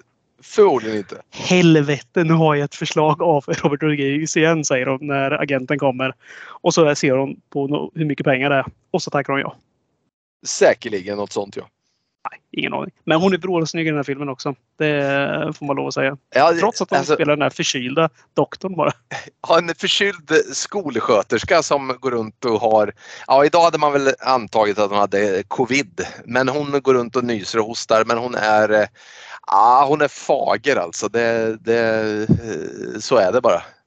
Ja, på tal om andra fagra kvinnor så är ju Famke Jansen med. Alltså Sina On, vad heter hon? Onnatorp. Onnatorp Eh, ja, från eh, ja. Goldeneye. Bland annat. Precis, Goldeneye tre år tidigare där ja, precis. Dark Phoenix eller Phoenix från X-Men också. Ja, Vrål, Ja, att titta på. Mm, Känner man, ju- det känns man fager. jävligt gubbig när man sitter och ska bedöma utseende. Ja, fast det Men tycker vi- jag, vi, vi- är väl, de är väl äldre än oss de här två. Med Ja. råge dessutom. Jävla tanter alltså. Ja. Helvete vad gamla de är nu. Ja, nej men verkligen. Det här, är ju, det här är ju en skola som uppenbarligen i sin eh, personalstyrka har eh, en och annan fager kvinna. Så är det ju absolut. Tänker tillbaka till Eh. min skoltid. Det var dåligt med sådana här kvinnor där. Det var, Ja, ja. Min, min biologilärare Berit hon... Eh, nej, jag, jag kan inte vara elak. Jag ska inte vara elak mot dig Berit. Du var, du var Det, det, säkert det ligger jättebra. nära, det ligger Du dig nära att, att slänga. eh, Nej, jag tänkte säga hon var säkert jättebra på sitt jobb. Tänkte jag, säga. Det- jag ville hylla Berit. Jag hyllar istället Berit som lärde mig skära upp grodor och Mm. koögon. Tack Berit. Men, men du, det, jag, det där slår mig när vi pratar om det. Så jag såg någon så här, du vet på Facebook att de pratar om så här ser dagens lärare ut. och så är det någon, men, någon fager kvinna i 25-årsåldern, 30-årsåldern. Sen så här ser de ut på min tid och då är det en bild på Sylvester Stallone när han har det här Rambo 3-håret, du vet, lite åt det krulligare, så här längre och sen en så här blommig hawaiiskjorta. Det får man tänka på det faktiskt. Ja, det är sant. Ja. Och- Men du, de här, den här stjärnspäckade listan som sagt. Vi har ju några andra där också. Vi har ju som sagt Josh Hartnett som han Sik och så har Mm. vi även Elijah Wood är ju med här. Det är ju strax innan eh, han slog igenom stort i Ja. Sagan om ringen. Han hade ju gjort några eh, mindre roller tidigare den gode Elijah. Eh, men, men, men som sagt var, han är väl en lite perifer person här. Eh, vad kan vi säga om Elijah då? Han, han bär ju upp rollen ändå. Så här, det, när man ser hans uppenbarelse så förstår man att det här är en kille som förmodligen kommer få stryk och mycket riktigt. Ja, han åker ju på däng konstant. Han möts av en armbåge det första vi ser faktiskt. Vi har ju en sån här lång svepande kameraåkning över hela det här. Ja, men är det high school? Det är det va? Det är inte college. Det, Eh, ja, high school tror jag. Ja, så sveper den ju över för att vi ska bekanta oss med alla karaktärer och vi förstår väl ganska snabbt att han är hjärnan. Kanske, och han är, vad mäter han? så här, 1,50 lång. Han är ju, Mm, ja. alltså han är ju. Han är ju en hobbit. Ja, det är han. Har så här håriga fötter och allting i hans filmer också. Ja, ja. Nej, men han åker på en armbåge och får sån här pungkross mot en flaggstång också. Ja, Otroligt just brutalt. Mm. Det, här, det räcker liksom inte med att han bara så här helt eh, oprovocerat åker på en armbåge rakt över näsan och börjar blöda. Utan typ sex grabbar tar tag i honom framför hela skolan också och liksom tar tag i varsitt ben och sen som en murbräcka springer framåt en flaggstång. Och här sitter jag och skrattar. Men alltså det är ändå sjukt för att du och jag har redan avhandlat en sån scen i tidigare avsnitt när vi såg den här filmen The Sadness och vi ondgjorde oss över vilket övervåld det var. Och sen föga visste vi då om att The Faculty från 1988, en övrigt glättig film av Robert Rodriguez skulle innehålla samma tortyrscen helt enkelt. Ja, jag eh, förespråkar alltid de här tortyrscenerna. Det är ju ofta du som eh, inte vill se dem. Men här Nej, eh, skrattar du gott. Jag tror att när du väljer dem, då, då är det okej. Det- It's okay Ja. when we do it. Så, Ja, nej, men, men så här är det ju att eh, vi vet att den här smärtan Frodo känner får honom till de grå hamnarna. Så jag, jag tänker mig att Elijah kommer få vila ut en dag. Ja, det kommer de väl få göra. Nej, men de här har vi som är, som är kända givetvis. Då. Men vi har ju även eh, Christopher McDonald som spelar farsa till just eh, Casey, då, alltså Elijah Woods karaktär. Jag vill bara, Mm. läm- eh, bara nämna honom här för att det är ju Shooter från Happy Gilmore. Det är så här, ett evigt det. förknippad med den rollen. Just det, just det, just det. Han är också med i Thelma Louise. Ja, det är han ju. Absolut. Men Eh. sist men inte minst kanske vi ska lyfta även Robert Patrick också. Ja, såklart. Robert Patrick är ju en... eh, Ja, men han är, det finns väl ingen som älskar film som inte eh, känner igen Robert Patrick från hans ikoniska roll som T-1000 i Terminator 2. Eh, sen gick karriären lite i stå för den mannen, verkar det ju som. Ja, alltså han gjorde ju inte sådär någonting mer som hamnade, alltså mycket biroller hela Mm. tiden. Sen Mm. fick han ju ta över efter David Duchovny när han försvann i X-Files så vart ju Mm. han den här nya agenten. Jag kommer aldrig ihåg vad han heter där men eh, för att X-Files vart ju inte lika bra längre. Nej, det Eh, vart ju sämre onekligen. Ja. Och sen efter så har han gjort någon serie som heter Scorpion vet jag. Som är någon så här Ja. jag, jag tror inte ens jag orkat se ett avsnitt av det. Det var inte någon höjdare. Men hade liksom hakat runt i det där träsket. Så här, aldrig riktigt försvunnit men aldrig riktigt slagit igen. Och Nej. nu börjar han ju bli äldre också givetvis. Nej, men så är det. Han var ju också med som eh, Johnny Cash pappa i den här eh, Walk the Line med Joaquin Phoenix. I, också faktiskt, som är en riktigt bra film. Så att han, han dyker ju upp här och där. Han bär inte filmerna men han dyker upp här och där. Så är det ju med Robert Patrick. Alltid en sån där karaktär också som ser ganska hård ut. Som är, Ja du, du ser ju inte Robert Patrick i en, i en film där han levererar skratt efter skratt till dig utan han är ju benallvarlig konstant. Alltid. Alltid. Alltid. Ja. Men du, ska vi, vi, jag vill bara innan vi går in på den här SIK, för du nämnde honom, den här drogliberala knarklangaren ärligt talat som glider runt på skolan och har ett anseende som, jag vet inte, jag blir inte riktigt klok på, för, först vill jag bara fråga, vad hände med Josh Hartnett? Vad hände Vart med vägen? Hartnett? Ja, Ja, men men han, vad- eh, Josh Hartnett eh, levererar väl fortfarande. Han är going strong tycker jag. Han hamnar väl, ja men var det inte lite så här att efter den här så när han gjorde filmer så hamnade han ju ganska snabbt i det här, vad ska man säga, så här, lite Ben Affleck-träsket kanske. Alltså när Mm. Ben Affleck slutade hänga med Matt Damon och började göra liksom, du vet, Hollywood-filmerna bara. Så Mm. han lite så här, ja men den här snygga killen som, ja, och filmerna var liksom, ja men du vet vad jag menar. Så de, de bär inte riktigt upp. Men de, de behöver den där snygga killen som är en hygglig skådis. Ja Där precis. känns det som han hamnade ett tag. För han gjorde den här Pearl Harbor. Ja just det. För övrigt med Ben Affleck väl också till och med. Ja, just det, just det. Mm. Och, men sen eh, väntar det ett tag. Men sen kommer han ju tillbaks faktiskt med just Robert Rod- Rodriguez igen. I Sin City bland annat. Just Är ju det. med som en Mm. roll. Sen gjorde han den här Lucky Number Slevin som är en ganska schysst film också. Bruce Willis. Ja, den är schysst. Det, Mm. med, ja, han är med i den och den är schysst. Men han gjorde ju även den här, vet du den? Det var väl just när han hade det här partiet med en viss typ av film, den här 40 Days and 40 Nights. Kommer du ihåg den? Mm. Den här killen som inte ska ligga på 40 dagar och 40 nätter. Ah, just det, precis. Det är väl en så här halvtaskig så här sexkomedi typ. Med- Ja, just det, exakt. exakt. Mm. Nej, men han var väl just det träsket ganska länge. Men nu på senare år tycker jag ändå han har varit med i ganska mycket. Han var med i den där senaste den här Guy Ritchie-filmen som jag har pratat nu i tre avsnitt om. Den här Operation Fortune med Jason Statham. också. Ja, När han Ja. spelar en gammal, just, eller en, en stor Hollywood-skådis.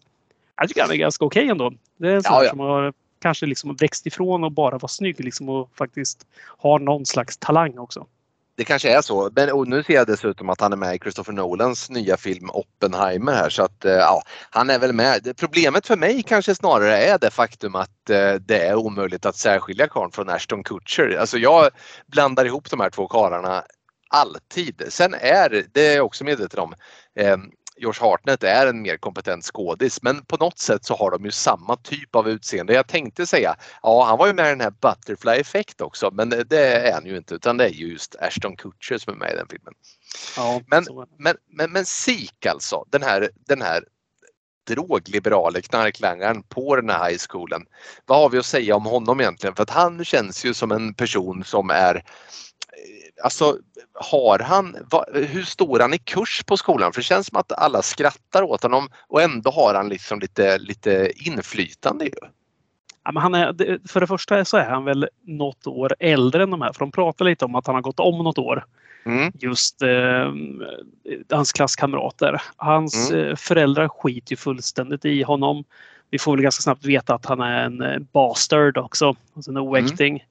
Eh, om det är till morsan eller farsan. Eh, och, eh, men han är väl också den här kanske lite mer ironiske, alltså det, och väldigt lat men uppenbarligen svinsmart också och allas Ja. favoritknarklangare och Precis. just tillverkare också då. Och det, det här blir väl väldigt bra driv med just sådana här karaktärer. Alltså sådana här som, ja, men som fanns i många av de här filmerna, alltså de här high school-filmerna. Det finns ofta den här, ofta tönten kanske man ska säga. Eller inte, kanske inte tönten, men den som är, vad fan ska man säga? Alltså den som är snygg men som visar sig vara riktigt jävla smart istället. Exakt, Så det, det precis. sitter någonstans här. Och man får liksom, trots att han är en person som uppenbarligen skiter fullständigt i skolan så här, dominerar han när man ska när man ska du vet, ha litteraturlektion och eh, syna olika verk så, så impar han på Famke Jansens karaktär där till exempel. Så att han är ju som du säger, han är uppenbarligen väldigt beläst, väldigt smart men ändå så skiter han i allt och, och, och, och ja, så är vissa. Ja, den där relationen mellan han och sin lärare, det är någon slags där lust och fägring stor relation de har där. Jag Mm. Ja. får Johan Widberg-vibbar där. Ja, verkligen. Verkligen. Ja, Och i rollen som Marika Lagercrantz, Famke Jansen istället. Inga övriga jämförelser dem emellan skulle jag säga. Men du, kan vi bara jämföra en sak till då? För nu har vi ändå snöat in på det här. Om vi tyckte Mm. att Siks frisyr var speciell. Kan Ja. du berätta lite om Famke Jansens frisyr som vi möts av när hon sitter som den här utbrända och supertrötta läraren? Ja. Eh, den är inte att leka med heller. nej, nej, alltså det är så att man undrar om, om vad, liksom, hur gick snacket alltså? Hur gick snacket på, på eh, The Rehearsal när man kom på att frisyrerna ska se ut så här? Jag vet nämligen inte ens om de höll på 90-talet riktigt. Ja, det känns väl lite som att när hon sitter där med den där den där otroligt fula frisyren. Alltså hon ser, Mm. alltså de har ju tagit bort allt typ smink och allting som kanske gör att någon ser bra ut. Alltså alla drag och sånt har de maskerat Mm. med stora glasögon och liknande. Är det inte gjort lite med just... Alltså det, det ska vara så här bara för att alla de här, du vet filmerna She's All That och vad fan alla de här... Ja. Du vet den här bortglömda tjejen som bara helt Precis. plötsligt ska, ska gå med skolans snyggaste kille, råkar Ja, ta av sig glasögonen och helt plötsligt bara så här, wow, du är ju 10 av 10 istället för 1 av 10. Ja, precis. Det är otroligt vad glasögon kan. Är väl just att det spelar ingen roll om du sätter liksom en potatissäck på huvudet på henne så lyckas hon vara snygg ändå. Liksom. Det är ju problemet när man kastar henne kanske. Ja, det kan väl vara så. Mm. Ja, roligt. Det här, det här avsnittet blir väldigt roligt redan nu känner jag här. Det, så här brukar det inte låta i podden. Ändras Det är som att, som att sommar, ja, ja jag vet inte. Det, det, det, det oss. Eh, Eftersom du alltid lyckats eh, såga Lamberts och eh, hans gelikar så, så kan, vi väl, kan vi väl tillåta oss att ge beröm också. Ja, det ska vi väl göra. Mm. Men du, vi, om vi hoppar till nästa de här. För att vi har eh, som sagt, vi, Sik, han är ju ja, men han är den här late svinsmart eh, knarklangaren. Då. Han är ju Mm. ändå, ja, han är ju inte den som upptäcker allt det här som händer på skolan. Vi har ju Elijah Woods karaktär Mm. som är den här, eh, ja, men vi får väl kalla han hjärnan kanske. Den här Ja. som inte liksom, han, han går ju och är osynlig egentligen. Mm. Som där har ju funnits i alla skolor i alla år och det kommer alltid Mm. finnas. Han håller sig under radarn. Ja, Han säger inte i onödan, men vi vet ju att han skriver MVG 5 på varenda prov. det är klart han gör det och han är också den som hittar det här, det, det här eh, livet så att säga. Han hittar hittar ju en liten eh, varelse, en liten parasit egentligen på den här fotbollsplanen och han tar den här parasiten till NO-läraren precis som man gör i Stranger Things slår det mig. Alltså blandar in NO-läraren i den här utomjordiska rasen och, och som då undersöker den här blir biten skandalen är ett faktum. Det sprider sig på skolan det här eländet då där kroppar tas över på, som du nämnde, bästa invasion of the body snatcher, eh, invasion of the body snatcher viset då helt enkelt. Kan jag bara fråga en sak till dig? Mm. När du går på en fotbollsplan, sådär, jag vet ju att din son spelar fotboll och du är säkert där och tittar ofta. Mm. Om du ser en snorlobb eller någonting ligga där i gräset, Mm. går du ofta fram och pillar på den då? Så Nej, efter det matchen är slut inte. så här. Får du hit den så här. Kolla på den här. Lyft upp den här nu. Mm. Du, det vore bra om du kunde ta med den här till din NO-fröken på måndag. Nej, det där är, det, det gör jag inte men, men på något sätt så är väl också Elijah Woods karaktär betydligt mer så att säga zoologiskt och eh, inte vet jag eh, biologiskt skillad än vad jag är. Så han kanske går igenom sin, sin mentala bok av arter, arter och inser att eh, den här känner jag inte igen och därför så blir jag väldigt intresserad. Men absolut, jag hade inte gjort som han. kan vara som du säger. Själv tror jag att han kanske har någon slags fetisch där och kanske gått lite för många gånger till skolans eh, biologilärare med saker han inte borde gått och visat Ja, upp och känt sig duktig. visat upp väldigt konstiga saker för honom. beröm. Ja, precis. Du precis. fick beröm en gång. Sen var det inte lika mycket beröm längre när Elijah kom där med sina saker. Nej. Jag sa Nej, till dig, Elijah Wood också i verkliga livet att han kan ha gjort sånt där. Men, Ja, eh, det skulle han mycket fördom jag har. Verkligen. Eh, men, men alltså det är ju ett litet gäng också. Eh, och vi ska väl också nämna då, förutom Elijahs, alltså det finns ju en, en ganska vänligt sinnad eh, blondin här på, på skolan också. Eh, en ny tjej som eh, desperat försöker knyta bekantskaper. Eh, vad har du att säga om henne? Du vet vem jag pratar om. Alltså Ja, vi pratar karaktären. om Mary Beth Louise Ja. Hutchinson som Precis. dyker upp här. den enda som är schysst mot alla ju. Ja, det är det ju. Ja, men hon är ju så här helt så här ja, men godhjärtad och liksom så här vill prata med alla, skaffa nya vänner, säger inte ett ont ord om någon och är bara Ja, men du vet hur de går. Du vet exakt den här karaktären som tar sina läroböcker på magen, viker den uppåt, går den liksom lite tryckt mot bröstet. Förstår vad jag menar där? Går och tittar sig visst. framåt så här, och sitter sig lite så här nervöst runt hörnen så här, och, så här, och ler lite och vinkar. Exakt den Mm. karaktären. Ja, Skulle han så vara superkristen i en annan film också. Garanterat, garanterat så. Eh, och I övrigt, alltså det vi går in i i nu egentligen är väl det här kärngänget som, som den här filmen ska handla om. Vi har ju också den här karaktären som då heter Delilah. Eh, också, kände du igen henne? Vem är, vem är hon egentligen? Kände du igen henne från något annat? Jordana Brewster. Nej, Mm. jag kan inte någonting vad hon har gjort mer. Alltså hon är med i, jag vet bara att hon är med i Fast and the Furious som eh, och syster tror jag, eller om hon är fru till Vin Diesel där. Men eh, Mm. det finns ju få filmer som jag spyr på hellre än Fast and the Furious. Så att jag, jag bemödar mig inte att efterforska där. Nej, någonting. precis. Men, Men hon, hon ingår väl säkert i hans crew. Ja, precis. Ja. Ja. men exakt. Det var det var min poäng. Hon känns som någon som skulle kunna ha varit med i alla liknande filmer som någonsin inspelades under 90-talet. Men eh, vad vet jag, hon ingår i det här gänget i alla fall. Och, och det här Ja. gänget som då kommer utgöra kärnan av de som förstår att det är någonting mystiskt som håller på att ske med skolaren, skolans lärare helt enkelt. Ja men precis. Vi, har ju, alltså, vi måste nästan bara ta det för att de här karaktärerna är så otroligt stereotypa och vilket är eh, fullkomligt meningen också. Mm. Hon eh, Delilah är ju alltså både eh, styr cheerleading-truppen och är ju alltså högst uppsatt på den här skoltidningen. Just det, såklart. Vilket tydligen är stort i USA. Det är inte lika stort i Sverige som tur var för att det kan inte finnas så mycket att skriva om inser man. Men men, hennes eh, pojkvän har vi också, Stan, som är skolans stjärnquarterback. Med otroligt dåliga betyg uppenbart men eh, som ändå på något sätt lyckas eh, få ganska okej betyg utan att förtjäna dem. Och han är ju mer godhjärtad än vad man kan tro. För att han är ganska tuff och så här, ja, men vad ska man säga, så här, ja, men lite så här stöddig kille. Ja, men ni vet Ja. som fotbollsspelare ofta porträtteras på film som.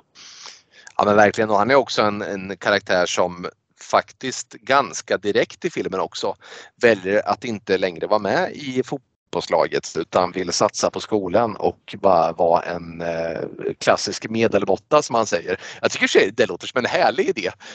alltså han vill han har inga anspråk annat än han vill bara försöka vara lite duktigare i skolan. Och, Han är väl eh, den mest likable karaktären vi har. Ja, jag som skulle säga det. Ja. Nej, men det tycker jag. Sen den sista i det här gänget är ju Stokely. Alltså namnet Stokely. så Ja, sjukt du. bra bara det. Mm. spelad av Clee Duval. Och vad har vi där? Vi har någon som någon slags ja, alltså gothare skulle vi väl Ja. kalla henne i dagsläget. Alltså så här, otroligt svartklädd, håret ner liksom i väldigt rakt. Som Felix Herngren skulle ha sagt rakt. Vad rakt hår då? Ja! Alltså det är Ja, liksom precis. rakt ner. På, så. Ja, och så här, otroligt mycket kajal under ögonen och säger sig Mm. vara lesbisk för att slippa prata med folk också. just det.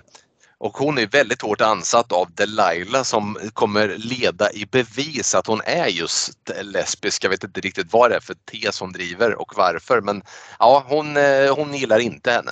Nej, väldigt kul att de har valt att casta just Cleo Wall som eh, henne. Hon är en ganska bra skådis tycker jag och hon är ju lesbisk i verkligheten också. Jaha, där ser man. Så det är kul att de får spela en roll där hon uppenbarligen inte är lesbisk men ska Ja, spela. det. Förvirringen är enorm på någon form av metanivå där då. Ja, hon är mer sexuellt förvirrad än vad du är i verkliga livet. Det är få som är det, men eh, nej, där har jag en karaktär. Vad heter det? Nej, men det, det här är ju då kärngänget. Viruset sprider sig och känner du igen det? Gamle Usher är Ja. ju med i den här filmen och på något sätt så, så håller ju Salma Hayeks karaktär på när hon väl har fått det här utomjording viruset i sig och på att undersöka öronen på alla där hon då ger vidare så att, så att alltså antalet utomjordingar i mänsklig form blir fler och fler på den här skolan. Men kärngänget är kvar. Det är de. Det är kul bara att du nämner just att Usher är med också. Så artisten Usher som eh, jag vet inte hur stor han är längre. Jag är ju ingen så för, alltså förbrukare av MTV eller radio eller någonting, ny musik. Men jag betvivlar att han är stor fortfarande. Det är han kanske. Han kanske har sin lilla fanskara där ute. Ingen aning ärligt talat. Men hur han hittade till framsidan, alltså till omslaget på den här filmen, det ska nog tacka sin agent för. För att den rollen han har i den här filmen, den är, då hade nog faktiskt någon som tvättade toaletterna kunnat vara med på framsidan. Ja, garanterat. ja. Nej, den är inte stor. Nej, skämt åsido. Bara en liten parentes där. ja, mycket mystiskt. Men du, vad, den här, eh, vad, egentligen, vi har ju inte en film som utspelar sig på jättemycket andra platser än faktiskt den här skolmiljön. Är man inte i skolmiljön så är det hemma hos SIK då för att på något sätt hitta någon form av Ja, men någon, någon, någon form av botemedel ska vi inte kalla det, men i alla fall man jobbar ju på någon form utav bevispulver på vem som är utomjording. Det är nämligen så att de här utomjordingarna korrelerar mycket dåligt med Siks droger. Som han, han har någon form utav så här magic powder som man då ska skicka upp i näsan. Och då ska avslöjande ske om vilka som är utomjordingar och inte. Men, men jag tänker på den här skolan då som ändå är kärn, kärn liksom, miljön i den här filmen. Vad tycker du om den? Eh, Visst är det väl bara någon form av klassisk high school ändå? Ja, men det vi har, alltså, allt är ju allt vi ser är ju i skolan. All väsentlig, alla väsentliga scener utspelar sig där.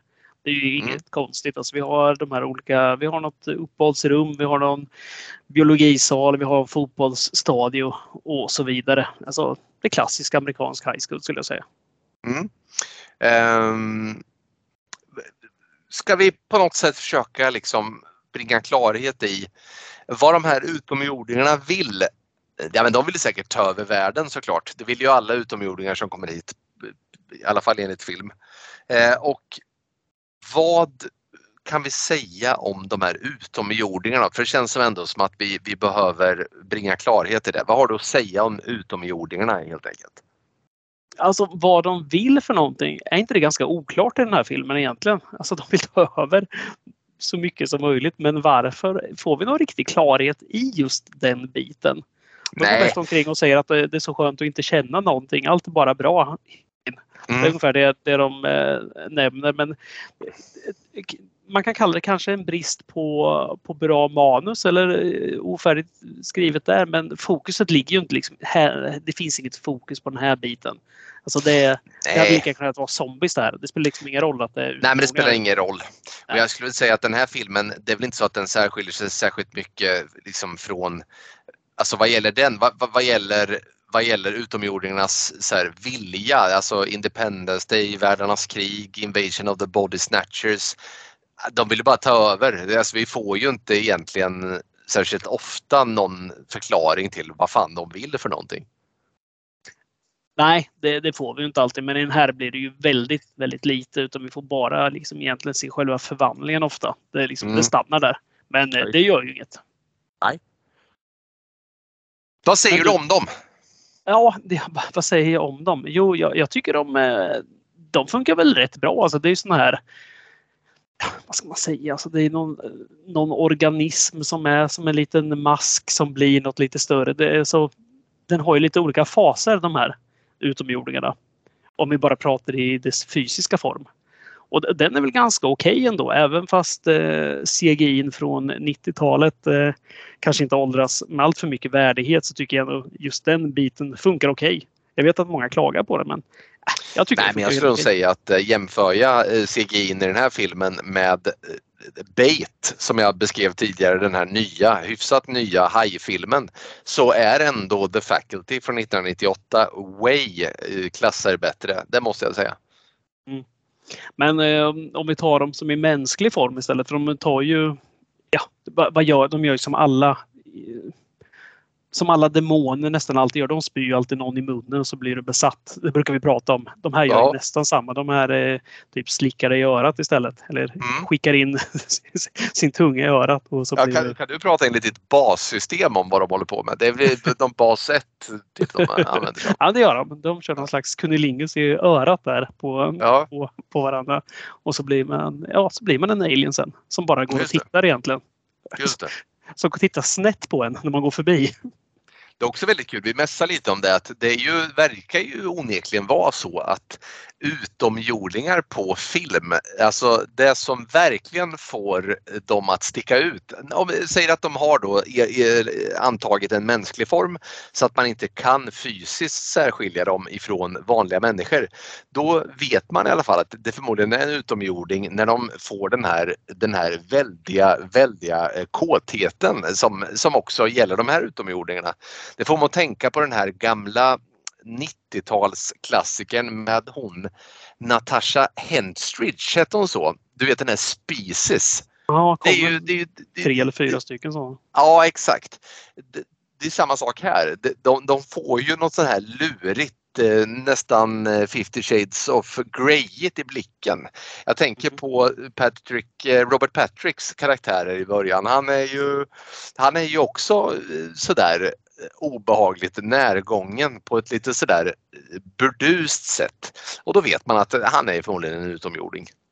Ja, ja men det, det blir de. De är närgångna skulle jag vilja säga. Liksom det, det satte du huvudet på spiken. Det är exakt mm. så det blir med, mm. med dem. Och det ser vi även i just uh, Famke Jansens karaktär också. Såklart. Ja. Genomgår den här förvandlingen från den här trötta utbrända lärarinnan till, uh, mm. ja, jag vet inte. Ja, till och med bli som hon i Goldeneye.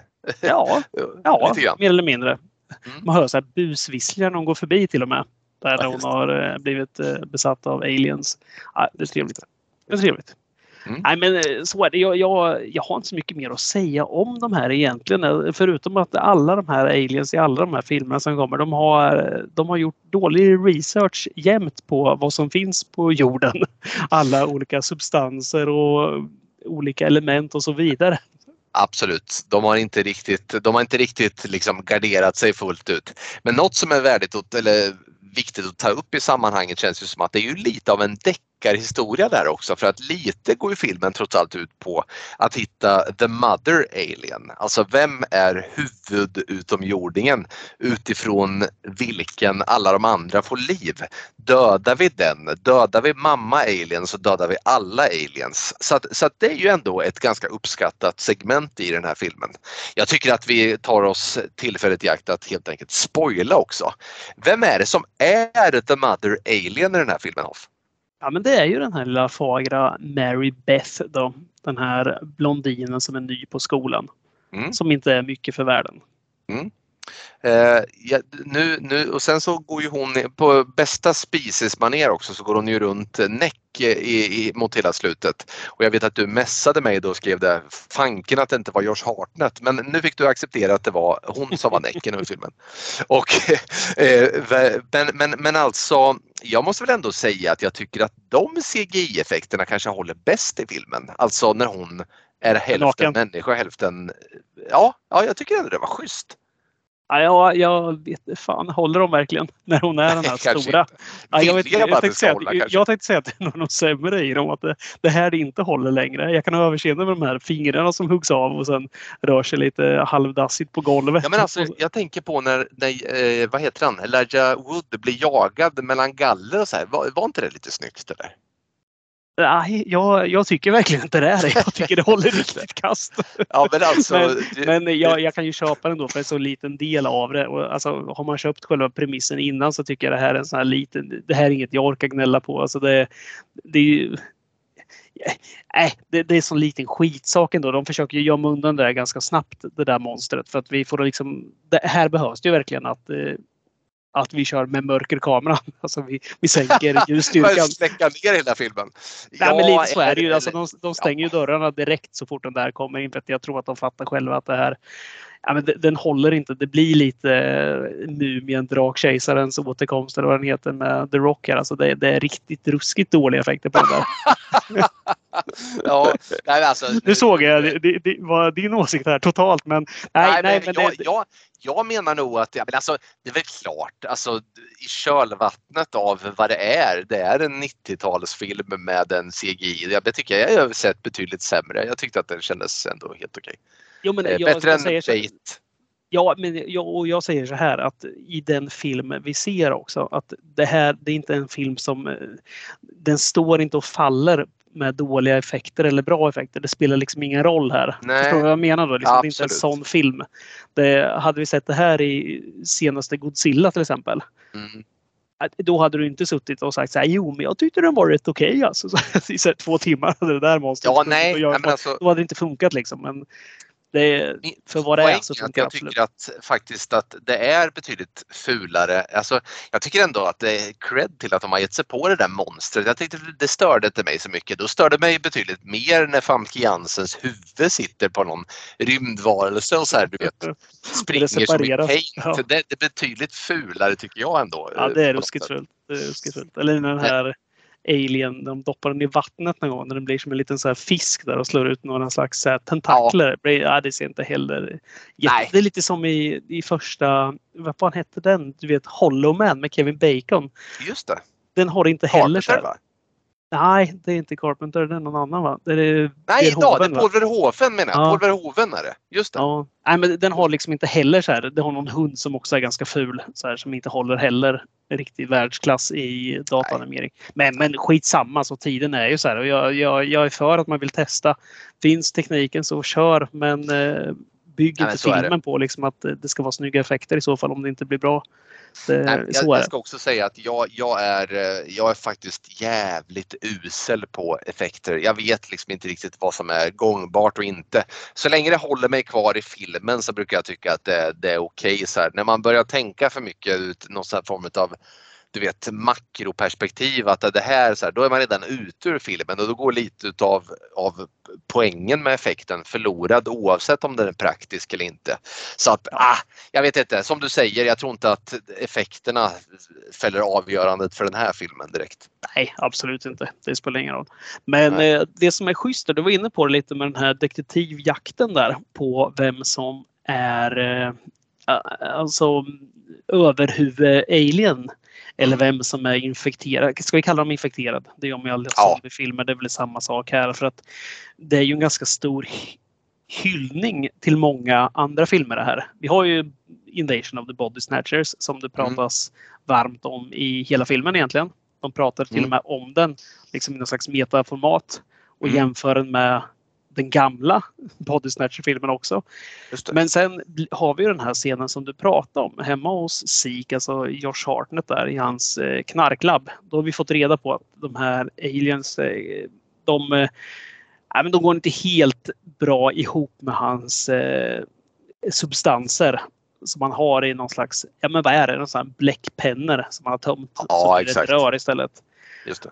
Och den scenen är ju en enda stor hyllning till den här blodscenen i The Thing, alltså Ja. Carpenter-filmen. Och det, det går ju ingen, alltså, det, jag skulle säga så här, att ser man den här filmen, det som är schysst, riktigt schysst med den här filmen, det är att har du sett mycket, om du själv kallar dig liksom för en inbiten skräckfantast och du har sett de här lite äldre filmerna. Du har sett Body Snatchers, du har sett de här alltså lite större Alien-filmerna, de här större kult skräckfilmerna. Då kommer du känna igen sådana här saker. Det finns jättemånga sådana här hyllningar. Nu ska inte vi lyfta alla här, men det finns mycket, mycket fler. För det är mycket meta och det är mycket små vinkningar till det, vilket blir väldigt roligt. Sånt älskar jag. Och det, den scenen är otroligt eh, ball just därför. Eh, exakt, jag, jag, hade faktiskt eh, skrivit upp det lite här. Jag hade också tänkt lyfta just kärleksblinkningen till The Thing. För det där är nog den här, trots att det är en blinkning och en, eh, liksom en, en en egen tagning på i stort sett samma scen så måste jag säga att det här är filmens allra bästa scen. Just det här när de ska kolla om alla är fria från viruset. Alla måste skicka upp lite av det här magiska pulvret i näsan då för att se om de får effekt. Och det är en jäkligt spännande scen. Ja, men det är det. det. Ofta är de där scenerna jäkligt bra i filmer. Vi har ju många sådana exempel. Alltså det finns ju i Alien har vi en liknande där innan eh, den eh, poppar upp ur magen. Vi, vi har det i många zombiefilmer också där man står liksom och kollar om någon har blivit biten. Och sen ja. Eh, ofta under vapenhot på ett eller annat sätt. Och sen är det liksom alltid någon som antingen gör ett utfall eller så ja, erkänner dem. Det blir en jäkligt bra, ganska otäck stämning i de där ofta. Man förväntar sig liksom, undrar om det är den som står och håller nu i vapnet som är, som är infekterad själv. Eller om det är den framför vapnet. Visst, det blir nog en sån variant av en sån här låsta dörren historia och det slår aldrig fel alltså. Det är alltid väldigt eh, spännande. Får man att tänka på den. Det fanns någon sån film som kom som hette The Devil. De åker hiss mm. och någon i hissen är djävulen och jag tyckte att det var en rätt rolig idé. Jag kommer inte ihåg om filmen som sådan var någon sådär jättehöjdare men, men jag gillar ändå tanken på att någon här är det, eh, men vem? Det är eh, alltid spännande. Men bra premiss. Alltså alla såna här mindre kammarspel i tight miljö, tänkte jag säga. När det blir lite så här stress på slag och man ska gissa vem det är, lite så här Cluedo-aktigt. Ja, men det är rätt schysst. Verkligen, verkligen bra. Eh, är det någonting som du förutom då eh, det jättemonstret här som du tycker inte håller alls i den här filmen? Alltså jag är ju så här, det, ska vi göra så här? Ska vi köra våra betyg redan här kanske? Ja, det tycker jag. Vi, vi kan väl dra en, dra en liten dragning nu och ge ett betyg också. Ja, men det gör jag gärna. Som sagt, 90-tal och eh, jag, vi är inte alltid bästa vänner, men eh, jag tycker att det här funkar. Jag är underhållen och det är ju det det handlar om allt som oftast i en film. Kollar jag betyget på den så snurrar den in på 6,6 av 10 på IMDB. Vilket är ett, ja, men det är ju ett hyggligt betyg för en, liksom en skräckfilm som vi brukar säga. Det, det är bra betyg för skräckfilm. Men det, det, är också så att det här är underhållning i sin enklaste form. Det finns inget. Det mest avancerade du får i den här filmen är också de här hyllningarna till äldre filmer. Och de blinkningarna sen är det inte så mycket mer egentligen för att det, den här den spänningen som uppstår. Ja, ja jag sitter inte. Jag, jag tycker aldrig det blir jättespännande. Jag, det mest spännande är den här scenen när de står och provar sig fram med det här knarket. Det, det är en bra scen. Resten är ganska, ganska förutsägbart tycker jag. Och sen är det ganska mycket logiska luckor. Den är ju extremt rak den här filmen och det är väldigt lite förklaringar på saker. Men det kan man ha bortse eller alltså jag kan se bortom det. Det gör mig inte jättemycket. För att det här är en film som du, du ser en kväll och är underhållen under tiden. Sen om två veckor, nej då tror jag inte att det här... Jag kommer komma ihåg den där blodscenen men resten är nog faktiskt borta ur minnet. Skulle jag säga. Jag har sett sådana här filmer för många gånger.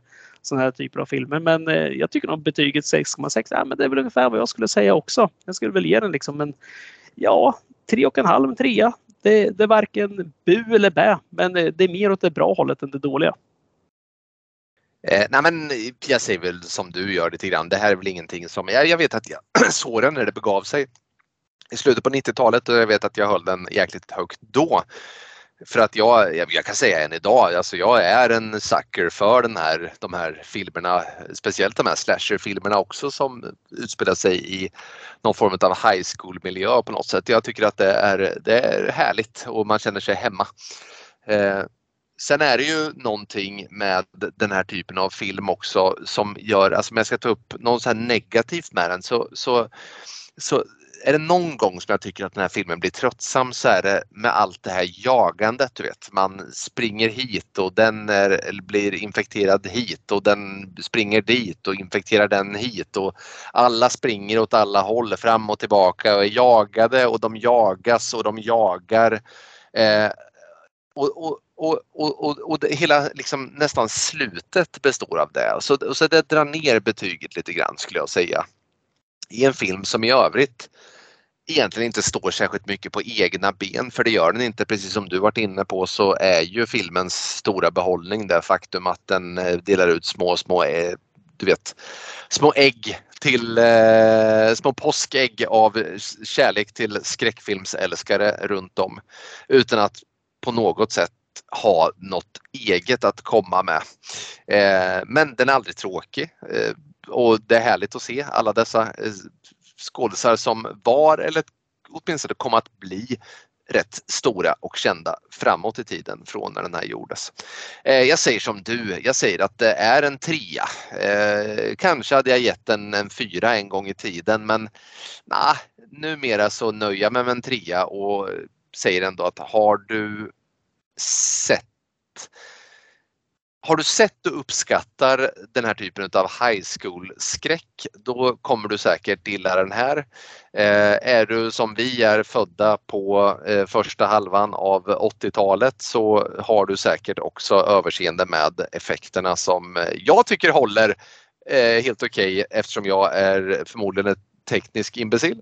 Men jag tror att det finns nog att gilla för dig som gillar genren eh, helt enkelt. Tre av fem till The Faculty från 1998 av Robert Rodriguez säger jag. Så är det. Bra sammanfattat där. Det blir ju också så att man känner, känner inte du lite så här när man kollar på den att det är så här Ja, men Invasion of the Body Snatchers såklart att man tänker på den eftersom de pratar om den så mycket. Men får man inte lite så här breakfast eh, vad fan heter den? Eh, breakfast Club? Breakfast Club, ja också. precis. Ja, men det får man. Eh, eftersom det är ett sånt här rövgäng som vi alltid kallar dem. Men ja. det är ju ett riktigt rövgäng vi har här. Ja visst, ja, visst. Eh, nu kom ju American Pie kom ju efter den här filmen men även den, så här, det är en helt annan typ av film. Men, men just det där med att man har det här gänget av olika karaktärer som alla eh, går på samma high school och så här det vart ju ett grepp som också kom att kittla även andra genrer såklart. För det är ju, det är ju rätt målgrupp också. Alltså om vi pratar om folk som går på bio så är det väl liksom när man är 15-16 år, alltså kanske inte längre men när vi var, var 15-16 år så var ju bio, i alla fall för mig, väldigt värdefullt. Jag älskade att gå på bio. Absolut, så jag tillhörde väl den målgruppen liksom som skulle se den. Så att det funkar ju utmärkt av den anledningen också. Det är också ett stort sätt att få in musik vet jag. Liksom att all musik som man lyssnade på, alltså man hade ju inte samma tillgång. Spotify fanns det ju inte på, på samma sätt. Det var ju, man fick ju Napster fanns väl på den här tiden eller började komma om inte annat. Så man kunde få tag i det på olagligt sätt. Men annars var det ju liksom bara CD. Liksom man fick ju springa och lyssna i någon butik liksom, eller eller banda av det hos någon. Men mycket av musiken såldes ju in via filmer också. Precis Absolut. som Offspring i det här och jag, nu vet jag inte om just den här filmen kanske är ett bra exempel på det men just den här jag vet att du, du och jag är uppväxta med en annan typ av punk. När vi pratar punk så pratar vi kanske mer Ebba Grön, liksom den äldre generationens punk. Men den här har ju den här mer skatepunken börjar komma här. Alltså så här, Sum 41, Blink 182 och där lät jag ju hundra år gammal när jag sa 182. ja. okay, ja, ja. det får jag stå för. Nej, men, och, det, det, mycket av det såldes ju in via sådana här filmer också. Jag vet att American Pie har också så här Sound 41 och de där också som liksom på ett soundtrack. Mycket, mycket föddes jag av det där. Alltså det var, det var så stor grej. Just musik och film gick ju hand i hand just under 90-talet. Ja men det gjorde det verkligen och även alltså MTV hade ju såklart del i det. Men även program som Voxpop kommer jag ihåg att musikvideon då om det var en film som såldes in i, eller en, en låt då, som såldes in samtidigt som en film. Då var det ju ofta den filmen man fick se lite glimtar av på själva musikvideon. Så att absolut, det där gifte sig väldigt bra och därför så här, jag är ju, det har jag ju sagt tusen gånger att jag är hårdrockare så här, men jag, den här typen av skatepunk som man egentligen, alltså rent musikintellektuellt skulle kunna se ner på. Det kan inte jag för att jag tycker att det hör ihop med min uppväxt så att jag, jag känner mig hemma med det liksom. Ja, så är det. Så är det. Nu hade ju den här filmen ty tyvärr ett skräckexempel på uh, Another Brick in the Wall som görs i någon slags skatepunk-cover och det var ja. faktiskt helt bedrövligt. Det, det är ja. det största minuset i hela den här filmen ska jag vara ärlig och säga redan nu. Bara för att jag skrattar lite åt ja, ja, men det, det kan man ju säga. Skämt Absolut. Men alltså, så är det ju. Det, det, är ju, det är ju alltså gladpunk förutsätter jag att du inte gör covers. Du, du får nog fan hålla dig till dina egna låtar i alla fall tror jag. Finns det någon, eh, någon genre mer, alltså som har så mycket covers som just skatepunken har? Det känns Nej. som att det är otroligt mycket covers på, ja, på låtar. Ah, skitsamma, vilken jäkla parentes det där var. Men eh, ah, ändå. Jag tycker vi har eh, varit snälla mot den här filmen ändå och gått igenom på ett schysst sätt. Det ska vara lite så här glattigt. Det var ett bra avsnitt att prata om det med inte alltför strikta regler. För den här Nej. filmen behöver inte det. Nej, nej, så är det sannerligen. Eh, du, det här, ja. vet du vad du ska göra? Du ska nu säga några ingredienser som du vill ha i en film som jag, ja, eller mm. ja, som jag ska välja. Mm. Eh, gladeligen. Jag har varit inne på vad, vad jag, alltså vi vet ju, jag tror våra lyssnare också vet vad vi gillar för typ av skräckfilm och jag kommer säga till dig ett par ingredienser som jag älskar på film. Mm. Karar. Eh, karar. Kar, kar. Exakt, så väljer du bara vad du vill sen.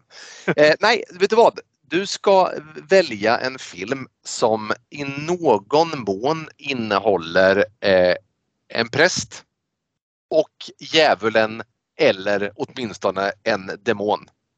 Mm. Spännande. Eh, och det ska vara en film som du tror att jag inte har sett. Jag vill inte att vi, vi, vi behöver liksom inte sitta och gå igenom Exorcisten här. Utan vi, vi, eh, jag hoppas på att du hittar någon sån här liten avkrok. Det hoppas jag. Så får du välja millennium själv, höll jag på att säga. Millennium, årtionde, decennium ska jag säga. Får du välja själv. Ja, ja men det blir spännande. Jag mm. tror jag har en redan här som eh, vi kan se. Det är perfekt här. Ja, perfekt. Härligt! Men du, eh, vet du, det är inte många timmar kvar som sagt innan det här avsnittet ska tryckas ut till alla våra lyssnare. Mm. Och ljuset denna sommar, det har ju varit borta sedan länge. Vad är det utanför ditt fönster? Jag tittar ut ur fönstret och ser endast nattens mörker. Och där försvinner vi.